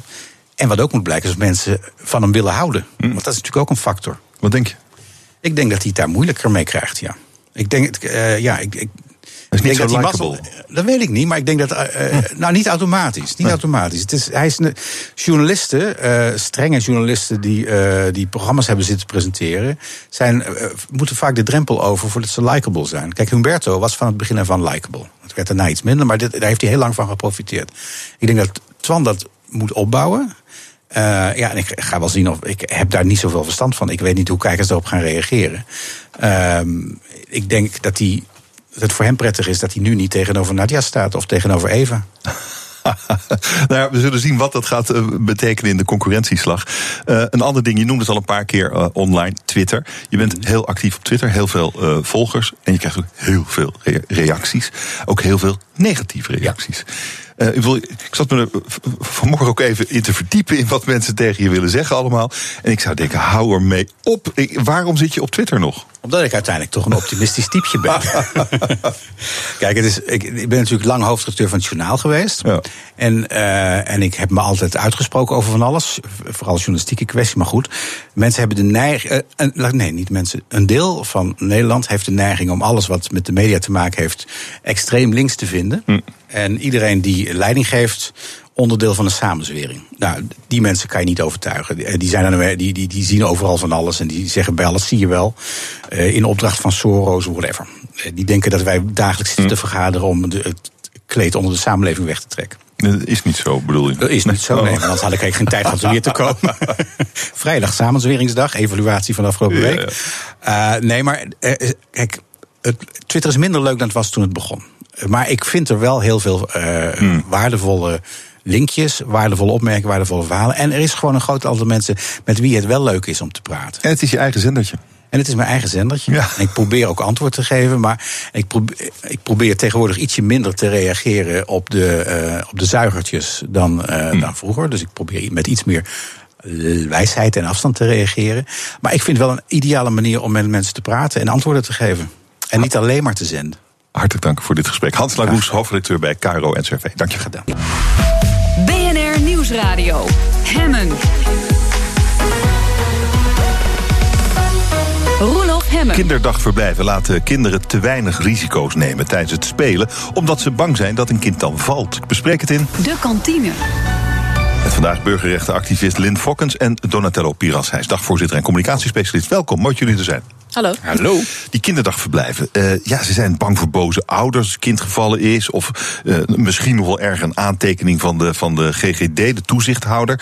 Eh, wa- waar het toe leidt is dat kinderen dus nul risico nemen, eh, omdat ze anders beschadigd raken.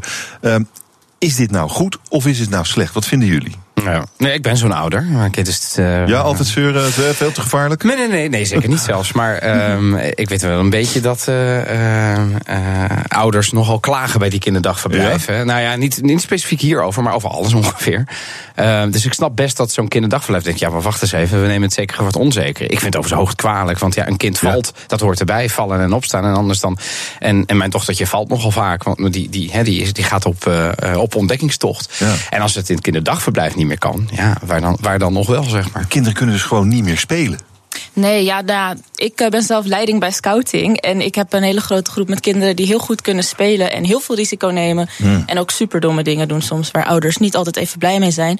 Maar onder supervisie van eh, volwassen begeleiders vind ik dat het juist een goede plek is om te experimenteren en die domme dingen te doen. Omdat het, ja, het, het komt er vanzelf wel van. En als een kind heel jong niet leert dat je die risico's een keer genomen moet hebben om te weten hoe het afloopt. Ja, dan gaat het later wel een keertje fout. Dus je kan of eerst even een schaafwond oplopen... of daarna je been breken als je nog nooit Ja. in een boom geklommen hebt. Wat, wat worden dat voor mensen die in hun eh, vroege jeugd niet hebben kunnen spelen? Nou ja, de- de- de- heel risicomijdend. Hè? En dat zou je kunnen zeggen, dat is als het over financiën gaat misschien een beetje goed.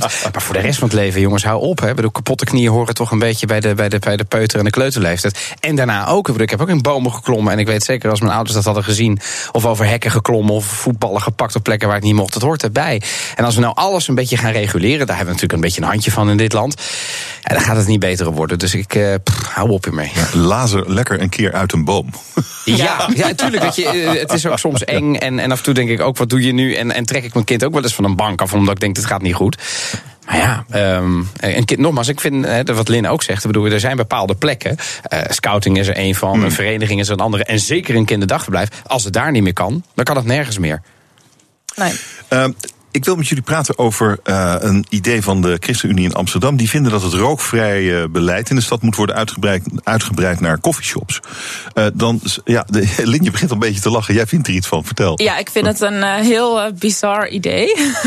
ja, oké, ik ben heel erg voor het rookverbod. Ik kan, ik kan er niet tegen als er gerookt wordt in ruimtes waar ik ook ben. Dat vind ik mezelf altijd een heel erge aansteller. Maar ik vind mensen die zeggen dat er in coffeeshops niet meer gerookt moet kan worden ook wel een beetje aanstellers. Het is zo'n zo'n ja, zo'n Ja, oké. Ik, ik ben er niet altijd even blij mee met die hele toeristische coffeeshops midden in de stad. Maar het is wel uh, nou ja, iets waar veel mensen op afkomen. En echt zich op verheugen om naar Amsterdam naar de coffeeshop te gaan. En het is natuurlijk niet dat we het allemaal weer voor de toeristen zo leuk mogelijk moeten maken. Dat is het niet.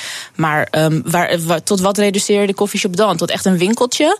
Ja. Want, want het is eigenlijk gewoon een rookruimte, toch? Dat is eigenlijk wat het is. Ik bedoel, het is, niet, het is geen horeca. Het is niet een, een, nee. een, een luxe bar of zo. Het is een coffeeshop. Hun core business is in de hashdampen zitten ja, roken. Dus ja, leuk idee, maar gaat niet werken. Nee, ja, ik, ik vrees dat ik er hetzelfde over denk. Ik bedoel, ik ben, ik ben, ik ben zeker niet voor uh, nog meer coffeeshops in, in de stad. Ik ben, ik ben nog helemaal niet voor het type toeristen dat het aantrekt. Maar ja, wie ben ik? Uh, de stad is voor iedereen. En dus ook voor die mensen en ook voor die toeristen. En volgens mij uh, hoort dat er een beetje bij als je de hoofdstad van een land bent. Ja, precies dat, ja. Ja, weet je, en uh, dus, dus mij zullen ze er denk ik niet zoveel zien. Maar ja, hoe cares? Uh, en ik vind rookverbod prima. Ik ben het er helemaal mee eens. Zeker in restaurants en in openbare gelegenheden waar mensen gewoon genieten van andere dingen. Maar er is iets van een rookruimte toegestaan. Dat is namelijk, voor mij part doen ze daar sigaren roken of wiet roken. Dat maakt mij niet uit. Maar om daar een rookverbod te gaan, waar moeten die mensen dan? Dan moet het ja. een soort afhaalpunt of zo worden. Ik denk, ja. ik denk dat de ChristenUnie gewoon niet zo van uh, het uh, fenomeen houdt. Zou dat het niet gewoon zijn? Ik denk dat de ChristenUnie beseft dat het komkommertijd is... dat ze hiermee goed scoren. Scoren ja, dat ja. is ook. Dat is ook. Um, uh, je hoort het net ook al in het nieuwsoverzicht. De ouders van uh, de First Lady van de Verenigde Staten... mogen zich sinds gisteren officieel Amerikaans staatsburger noemen. Uh, en dat staatsburgerschap hebben ze verkregen... door gebruik te maken van kettingmigratie. En dat is een programma dat buitenlandse familieleden van Amerikanen de kans geeft om naar de Verenigde Staten te komen. Er is één man die daar heel erg tegen is. Je mag drie keer raden wie, Donatello. Donald Trump? Donald Trump. en dat gaat over, over, over de ouders van zijn vrouw, zijn schoonouders. Ja. Uh, hij, hij, heeft er al, hij heeft er al een paar keer heel boos over gedaan. Ja. En nu flikt zijn vrouw hem dit. Ja, klassejustitie. Nou, als, die, als, die, als die echt een vent is, dan wordt hij nu ook boos. Maar dat doet hij natuurlijk niet en terecht. Ja, dit toont natuurlijk. Ik vind het heel mooi, want dit toont natuurlijk meteen aan waarom dit niet werkt. En waarom je niet één regel voor zulke complexe zaken als migratie of immigratie kan doen. En uh, hij maakt zich geregeld boos over dingen waarvan ik denk, ja, um, als je iets verder zou nadenken, zou je niet zo boos hoeven nee, worden. Hij twitterde hierover. Hè. Sommige, niet over deze, maar over het ja, fenomeen ja, kettingmigratie. Ja. Sommige mensen komen binnen en nemen hun hele familie mee. Die, gek, die kan door en door slecht zijn. Niet acceptabel. Klopt. Ja, nee, maar dat, waarom, dat kan. Waarom verbaast de hypocrisie van Trump ons eigenlijk nog? Ik vind het helemaal niet zo verrassend nieuws. Ik heb zoiets van, ja, het zal allemaal wel weer. Weet je, want ik vind het goed dat mensen zeg maar in Amerika kunnen blijven en ook staatsburger kunnen worden. Dus ik maak me niet druk om de ouders van Melania. Maar um, ja, dat Trump dan dit um, zeg maar zo omarmt en uh, verder loopt te zeiken, dan denk ik ja. Ik zat Dit wel is niet het eerste wat we hebben meegemaakt nee, met hem. Maar ik zat wel af te vragen, waar, waarom moeten de ouders van Melania Trump eigenlijk uh, Amerikaan worden? Waar, waar, waarom eigenlijk? Het is toch... Nou ja, maar, maar dit toont, ik riep net een beetje gekscherend klasjustitie, maar dat is het natuurlijk wel een beetje. Want ja. ik snap wel waarom ze Amerikaans staatsburger willen worden. En Slovenië uh, is toch ook hartstikke leuk? Uh, lijkt mij ook, maar misschien land. krijgen ze bepaalde privileges omdat ze nu de ouders van de First Lady zijn. En hé, hey, hmm. dan komt, nou comes the monkey out of the sleeve. blijkbaar is het voor sommige mensen dan weer wel weggelegd. Dus ik bedoel, als je hier echt sec naar gaat kijken, is het heel gek dat je het voor alle normale mensen uitsluit. En dat je er een heel, heel erg uh, vol op het orgel gaat als de machtigste man op aarde. Maar dan gebeurt je dit. En dan blijft het waarschijnlijk heel erg stil. En als je nu een journalist bent, dan zou ik er nu iedere dag om vragen. Gewoon iedere dag. Wat vindt Trump van het feit dat? Ja. Want ja, laat, zich, laat die man zich daar dan ook over uitspreken. Nogmaals, voor mij mogen ze het worden hoor, de ouders uh -huh. van Melania. Graag zelfs. Maar. Een beetje gek is het, toch? Het is een beetje gek. Een uh, beetje gek. Moet jij eigenlijk niet in Italië zijn, uh, Donatello? Het is uh, vakantie. Jij ik bent, ga morgen. Jij bent eigenlijk een Italiaan. Ik, je gaat morgen. morgen. Okay. Goed, ja. nou, er, er, is... Ja, goed, natuurlijk is je meer dan gegund. maar er is een, er is een merkwaardige discussie aan de hand in Italië. Vaccinatiediscussie. Ja. Wat speelt er? Nou ja, dat is wel heel kwalijk, vind ik. Wat er speelt is dat de zogenaamde no-vax-beweging... tegen vaccinatie, die, die worden steeds machtiger. En die wordt ook steeds agressiever. Dus die vallen nu ook docenten... of eigenlijk moet ik zeggen directeuren van grote uh, scholenkoepels aan. Omdat die zeggen, ja, jullie komen de school niet in als je niet gevaccineerd bent. Nou, en dat is een hele harde strijd. Het lijkt een beetje op die oude abortusstrijd, hè, voor of tegen abortus. Dat wordt nu een beetje vaccinatie in Italië. Uh, waarbij ook geweld niet wordt geschuwd. En wat erg is, dat die vaccinatiegraad naar beneden aan het gaan is. Dus hè, voor gezonde landen zeggen we, moet dat 95% zijn ongeveer. En Italië duikt nu bijna onder de 90%. En dat is voor een, een, een, een normaal, nou ja, laten we zeggen, uh, westers land in Europa heel gek dat dat gebeurt. Uh, en als je gaat kijken wie, wie zijn dat, zijn dat dan uh, bijvoorbeeld hele, hele, gelovige mensen? Nou, dat blijkt eigenlijk heel erg mee te vallen. Dat zijn met name, ja, we zouden dat hier in Nederland hipsters noemen. Um, kijk, ik, ik vind het een moeilijke discussie in die zin. Ik ben voor de integriteit van het eigen lichaam. Dus mag een ouder besluiten om het niet te doen? Ja, natuurlijk mag een ouder dat besluiten. Moet een overheid iedereen verplichten? Nee, maar ik vind wel dat op het moment dat je bijvoorbeeld naar een kinderdagverblijf gaat, een publieke voorziening, mm -hmm. dan stel je andere kinderen uh, uh, bloot aan allerlei ziektes die we al jaren niet meer hebben in een land. En nu in Europa, want ja, weet je, een grens houdt niet op bij een land. Dat merk je met immigratie, maar dat merk je nu ook met dit soort dingen. Uh, we, we, hebben ook toeristen. Ik ga morgen met mijn dochtertje en, en, en, en, en mijn vriendin naar Italië. En zij is gelukkig ingeënt. Maar stel nu dat ze te jong was mm -hmm. en ze speelt daar prima op het vakantiepark met een heleboel andere kinderen. Dan kan zij dus potentieel de mazelen krijgen.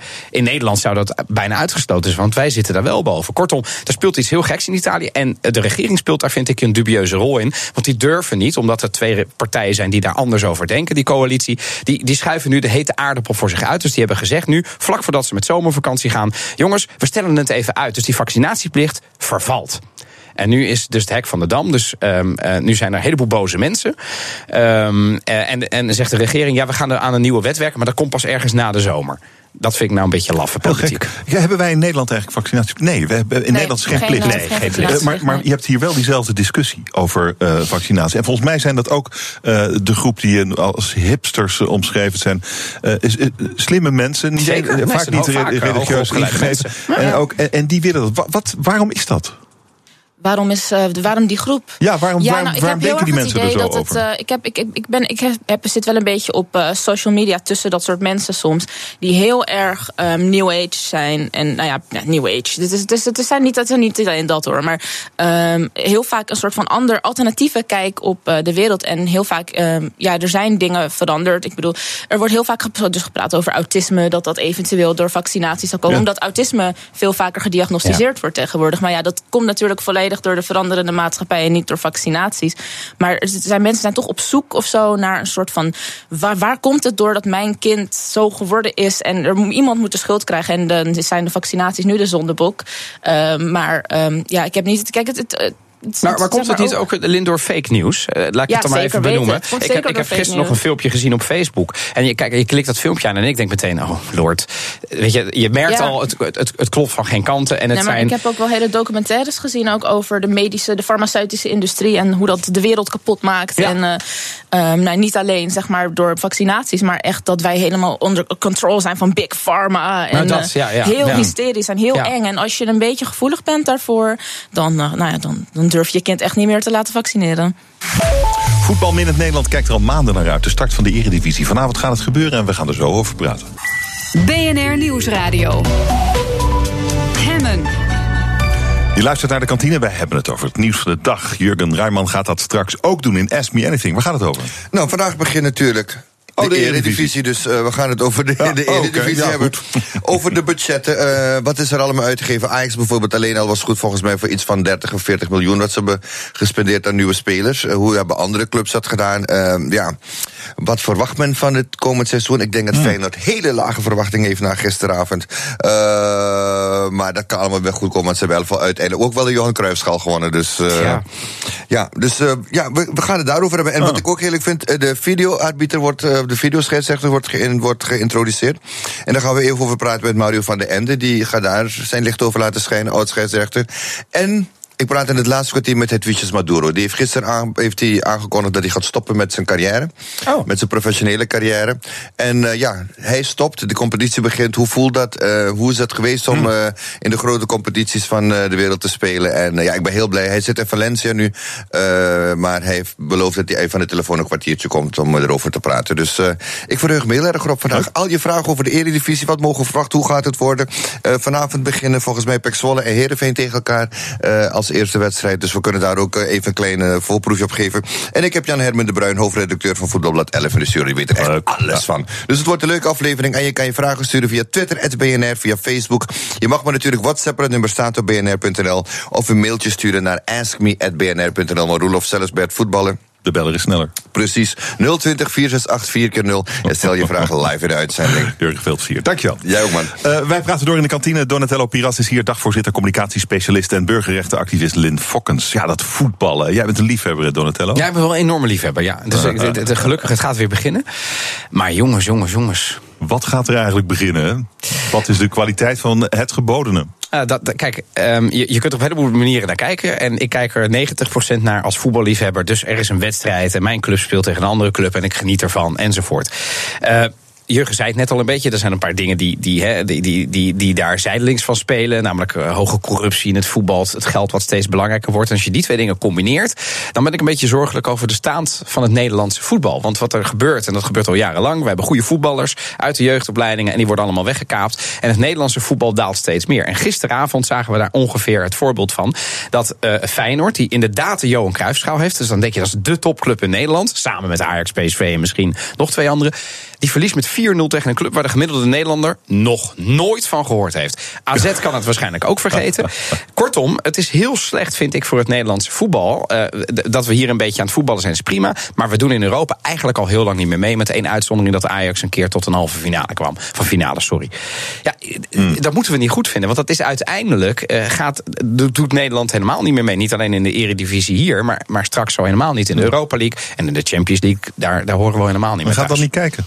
Ja, maar het gaat dus niet om, om, om wat ik bedoel. Uiteindelijk wordt het dus voor vier, vijf, zes elitaire clubs. Oh. Waar mijn Italiaanse club een, een beetje deel van uitmaakt, hè, Juventus. Uh -oh. Maar dat is slecht, want dan krijg je een soort elitaire clubjes, die doen allemaal mee. Hmm. En eigenlijk wordt het voor een team als Ajax of PSV eigenlijk godsonmogelijk om ooit nog mee te doen in die league. En dat is uiteindelijk niet goed. En ook niet goed voor de doorstroom. En uiteindelijk ook niet voor de breedte sport. Want dan hebben kindjes alleen nog maar voetballers als Messi en Ronaldo. En de gemiddelde Nederlander, ja, dat is een of andere pannenkoek die doet uh, iedere week tegen top os spelen. Ja, dat kan niet. En wat, wat is er nodig om dat, om dat te verhelpen? Een masterplan. Ja, heb je dat al? Ja. ik heb het niet bedacht. Maar nee, kijk, er gaat natuurlijk ook steeds meer geluiden op. En ook van sportcommentatoren die zeggen: jongens, we moeten nu. Weet je, uh, er zijn een paar goede jeugdopleidingen. Maar het, het, Nederlandse voetbal heeft wel iets meer nodig. Een plan. Hè. In China zijn ze nu scholen aan het bouwen. Omdat die, die, die, die, die, die president roept: wij moeten over twintig jaar worden wij wereldkampioen. En iedereen lacht nu nog. Maar als ze zo doorgaat, gaat het ze misschien nog lukken ook. En in Nederland, ja, maar we zien het wel. Nee joh, we zijn, als, het, hè, we doen, als we de volgende keer niet geplaatst worden, wil ik het wel horen hoe het gaat. Elin, okay. vind, je dit, vind je dit leuk, voetbal? Nee. ik snap er ook helemaal niks van. Ik ben van, ja, is goed hoor, allemaal. Dan, dan, dan, wil ik iets anders voorleggen. Het uh, British Museum geeft acht kunstvoorwerpen terug... die na de val van Saddam Hussein zijn gestolen uit uh, Irak. Ja. Uh, nou, daarvan kan je zeggen, dat is netjes. Ja, dat is zeker netjes. En het British Museum staat vol met allemaal dingen die best wel netjes zouden zijn als ze teruggegeven zouden worden. oh, het is heel grappig. Het, is, ja, het heet het British Museum en het staat vol met kunstschatten uit de hele wereld. En ja, oké, okay, er zijn een paar uh, kapotgeslagen potjes die ook in uh, het uh, Anglo-Saxische tijd komen. Maar het meeste zijn Egyptische mummies. Zeker koloniaal, ja. echt absoluut. En um, ja, leuk dat ze een paar dingen hebben teruggegeven. Maar dit is nog maar het begin. Dus Rosetta-steen, wat heeft dat te doen in Londen? Ik bedoel, heel leuk dat het daar staat, maar um, ja bedoel, we hebben al die landen leeggeroofd en daarna jarenlang gedaan alsof het allemaal hele primitieve culturen waren die niks hadden. En dan moet je daar in het British Museum een beetje gaan toekijken wat Engeland allemaal voor fantastische, of het Verenigd Koninkrijk, daden heeft verricht over de wereld. En daarbij ook nog een soort van jachttrofeeën, bij wijze van spreken, hmm. heeft meegenomen om dat uh, te kunnen laten zien. Ik vind het aan de ene kant angstaanjagend. Aan de andere kant ben ik ook blij dat ik het daardoor allemaal kan zien. Want zo'n history geek ben ik dan ook wel weer. Maar het hoort daar niet thuis. Nee. Het hoort daar echt niet thuis. Zou jij wel vinden, want ik, ik ben het wel deels met je eens. Aan de andere kant, weet je, we kunnen de geschiedenis soms helaas niet uitwissen. Um, zou je wel vinden dat als het met wederzijds goed vinden van dat land is, hè, bijvoorbeeld met Egypte, daar staan natuurlijk ook heel veel van die Egyptische dingen in. Stel nu dat de regering um, van, van Engeland en Egypte het op een akkoord gooien en zeggen: joh, uh, een paar dingen willen we teruggeven, maar het, wij zouden het waarderen als bepaalde dingen hier blijven. Uh, dat, je, dat je dat met, dat met het land afspreekt, zou dat ja, wel kunnen? Ja, natuurlijk. Want ik bedoel, het is toch, uh, we hebben ook, zeg maar, tegelijkertijd hebben we ook um, andere kunst, zeg maar, ja, wat geen roofkunst is. Ja. En wat daar nu een plek heeft gekregen. Ik vind nog steeds ben ik niet van mening dat het gewoon in een normale expositie zou moeten staan. Als gewoon van onze British Museum Collection. Maar eerder, um, wat ik bijvoorbeeld een heel goed idee vind, wat waar in Nederland nou, nog niet echt sprake van is, maar wat wel zou kunnen, is een museum koloniaal verleden. Waar niet alleen dat tentoongesteld wordt, maar ook echt te zien is wat het allemaal, het kolonialisme teweeg heeft gebracht. Je en, bedoelt ook de schaduwkanten van het. Ja, van die en tijd. gewoon veel meer educatief ook. Want het is nog steeds iets wat toch een beetje onderbelicht wordt. En um, dit is wel, kijk, ik bedoel, het is inderdaad wat je zegt, we kunnen de geschiedenis niet uitwissen. En dan is dit toch een mooie kans tot educatie en tot het creëren van Mm. bewustzijn. En om gewoon, eh, nou ja, om daar dit, toch nog gebruik van te maken op een positieve manier. Anders dan inderdaad het als een soort van trofee laten zien. Want dat, dat is wat er fout is. Ik zat eh, vanmorgen de krant te lezen en ik eh, zie in de Volkskrant een verhaal over gezichtsherkenning in China, en surveillance, drones en zelftankende huishoudelijke apparatuur. In China wil, wil, de, wil de overheid blijkbaar elke burger individueel in de gaten kunnen houden. En Ja. daar, daar, daar hebben ze de meest waanzinnige technologie voor bedacht. Ehm, hoe moeten we dit zien? Nou, dit moeten we gewoon niet, niet kunnen accepteren. Dit, kijk, in Nederland hebben we ook al camera's met gezichtsherkenning. Mijn telefoon heeft ook een camera met gezichtsherkenning. Het is, zeg maar, langzaam is de wereld in een soort van Black Mirror horror scenario aan het veranderen. En ik heb dus gelezen over China, over dat ze daar de, de, de smart eye hebben in de klas. Die oplet of kinderen wel zitten te kijken of op te zitten te letten. En als ze dat niet doen, heeft de camera dat geregistreerd en krijgen ze een onvoldoende op hun rapport. Dat is echt heel erg hardcore. Oké, ja. waarom is dat nou erger dan eh, wanneer de onderwijzer dat doet? Omdat de controle volledig zeg maar, weg is. Die wordt uit handen gegeven aan technologie en op een hele rare manier. Het is niet de bedoeling dat iedereen zo streng bekeken wordt. Dat is gewoon, dat is niet. We gaan zoveel te ver. Kijk, misschien denk je nu wel ja, maar ja, binnen een school. Weet je, inderdaad, er wordt ook door de onderwijzer gekeken. Maar het kan steeds. Kijk, als je één stap, één brug overgaat, ga je heel snel naar de volgende. En uiteindelijk is het zo dat we overal gewoon gecheckt worden, waar dan ook. Terwijl dat helemaal niet nodig is. Het is dus bijvoorbeeld nu ook zo dat er, um, bijvoorbeeld, stel er worden camera's opgehangen op een plek waar af en toe zogenaamd verdachte jongeren. Um, lo, ja, chillen, zeg maar. Dan, uh, ja, wat doen jongeren? Chillen. Ja. Maar, uh, maar kijk, um, wat, er dan, wat er dan gebeurt is dat mensen zich daar onveilig gaan voelen, omdat ze, zich, omdat ze zo bekeken worden. En dat er dus ook rare dingen gaan gebeuren, omdat er een soort van druk op ligt. En die druk, het, het, het is zeg maar, dit is nog maar, zeg maar ook het begin van nog meer ellende. Alles is zeg maar, nu staat het nog in de kinderschoenen en is het van ja, nou ja, hoe, hoe erg is het nou eigenlijk? Ja, nou, heel erg. Het kan echt. Uh, heel erg escaleren. En dat gaat ook gewoon gebeuren. Het is, ik vind dat het eigenlijk al te ver gaat hoor. Waar, waarom, waarom willen de Chinezen dit? Want, ja, nou ja.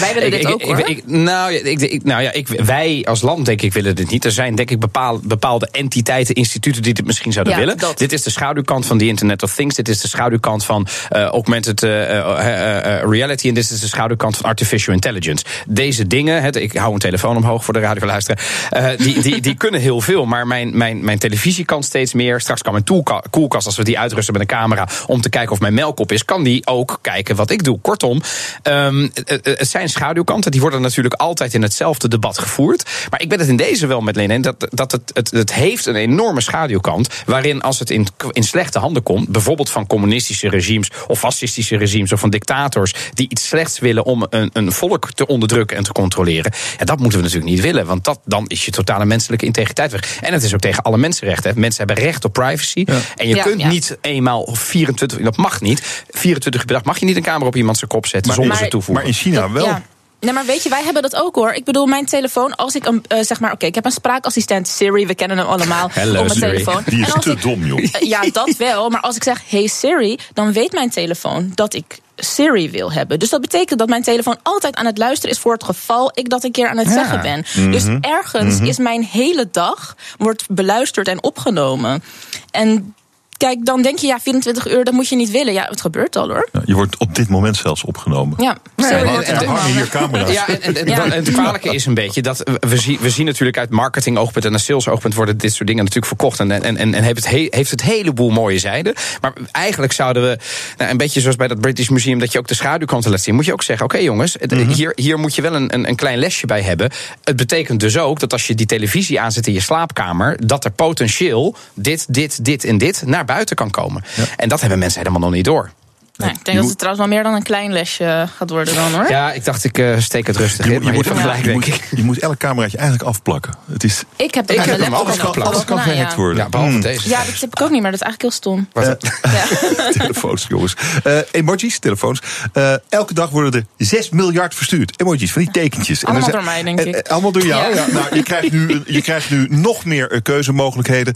Eh, volgend jaar eh, worden er 55 varianten komen erbij. Met een verschillende huidskleur en verschillende seksen kun je dan kiezen. Leuk.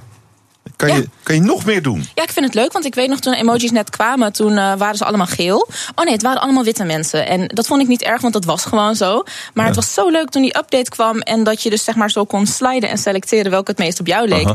En toen waren er eerst nog alleen maar mannetjes met een politiepetje op en daarna werden het ook vrouwtjes met een politiepet op. Dus ik vind het leuk dat het zich zo ontwikkelt en dat het. Kijk, ik, ik gebruik ook mezelf voor, want ik gebruik heel vaak die emojis van dat sassy vrouwtje, die zo, eh, die gebruik ik heel vaak en die vind ik heel leuk en ik vind het ook leuk, want dan ben ik het. Dus- Ik gebruik heel vaak het feestpalmende mannetje. Maar wat zegt dat? Nee. Ja. Ja, weet je, ik, het is wel grappig, want het- helemaal in het begin dacht ik daar helemaal niet over. Nou, want er was een, het was een beetje zoals het BNR-kleurlogo, geel. ja, ja, ja. En niemand is zo geel, gelukkig. Ehm, tenzij je heel ziek bent. Eh, en, en dan was het dus een soort genderneutraal eh, emo, eh, emoji hadden we, hadden we toen. Maar, maar toen zijn we het gaan vermenselijken. Ja, en dan vind ik dit een logische stap. Want ja, je, Ja. Kunt, je kunt natuurlijk niet, om met dat iemand zich iedere keer moet gaan identificeren met een, met een, met een, met een blonde vrouw. Terwijl je dat Ja. niet bent, is dat bloedirritant Nee, ik vond me. het heel jammer ook dat de prinses, ook toen die kleuren al waren geïntroduceerd, die huidskleuren, was de prinses altijd inderdaad een blond meisje. En toen Ja, dacht ja, ik van, precies, hallo, ja. ik ben ook een prinses. Hallo, koning Noor. Ja, Ja, nee, nee, maar het, het is, het- ik vind het wel leuk. Maar ik, ik, ik, overigens, eh, eh, we, we zouden dan eigenlijk ook wel weer terug moeten naar het genderneutraal poppetje. Of, sla ik nou door? Nou, een beetje de misschien, meeste- maar die komt ongetwijfeld ook. Nee, maar de meeste, meeste emojis, zeg maar, al die gezichtjes hebben niet per se Nee, een gender. Nee, Dus de smiley eigenlijk- is gewoon, Nee, eh, en daarbij kun je dan kiezen of je een langharig of een kortharig poppetje doet. Dan kun je zelf interpreteren dat het een mannetje of een vrouwtje is. Maar waarom eigenlijk? Wat ik het leukste zou vinden is als iedereen gewoon het begin van eh, eh, het eh, eh, gebruiken van je telefoon maak je gewoon een selfie. Met toestemming van jezelf dus. Eh, en vervolgens maakt het programma daar een eh, emoticon van. En De vervolgens, Samsung, eh, ja. vervolgens kun je altijd jezelf, Aha. maar dan als emoticonnetje gebruiken. En de Samsung S9 heeft dat. Oh, die kan, die kan je echt, Oh, is, ja, het- het is al bedacht blijkbaar. bestaat Oh. al, ja. Daarom ben ik dus een hele slechte De Galaxy ondernemer. S9 heeft Altijd wel bedacht. Ik, Ja. ik, ik, vind, ik vind eigenlijk, is het, ja, Donatello, jij, jij gebruikt het ook. Ik gebruik ze ook wel eens die dingen. En dan denk ik er altijd, ben ik daar niet een beetje te oud voor? Zijn die een beetje kinderachtig? Het ligt er, hoe vaak gebruik je ze? Eh, eh, Hoe vaak gebruik je er dan ook 18 achter elkaar? Ik doe eigenlijk altijd, nee, nee.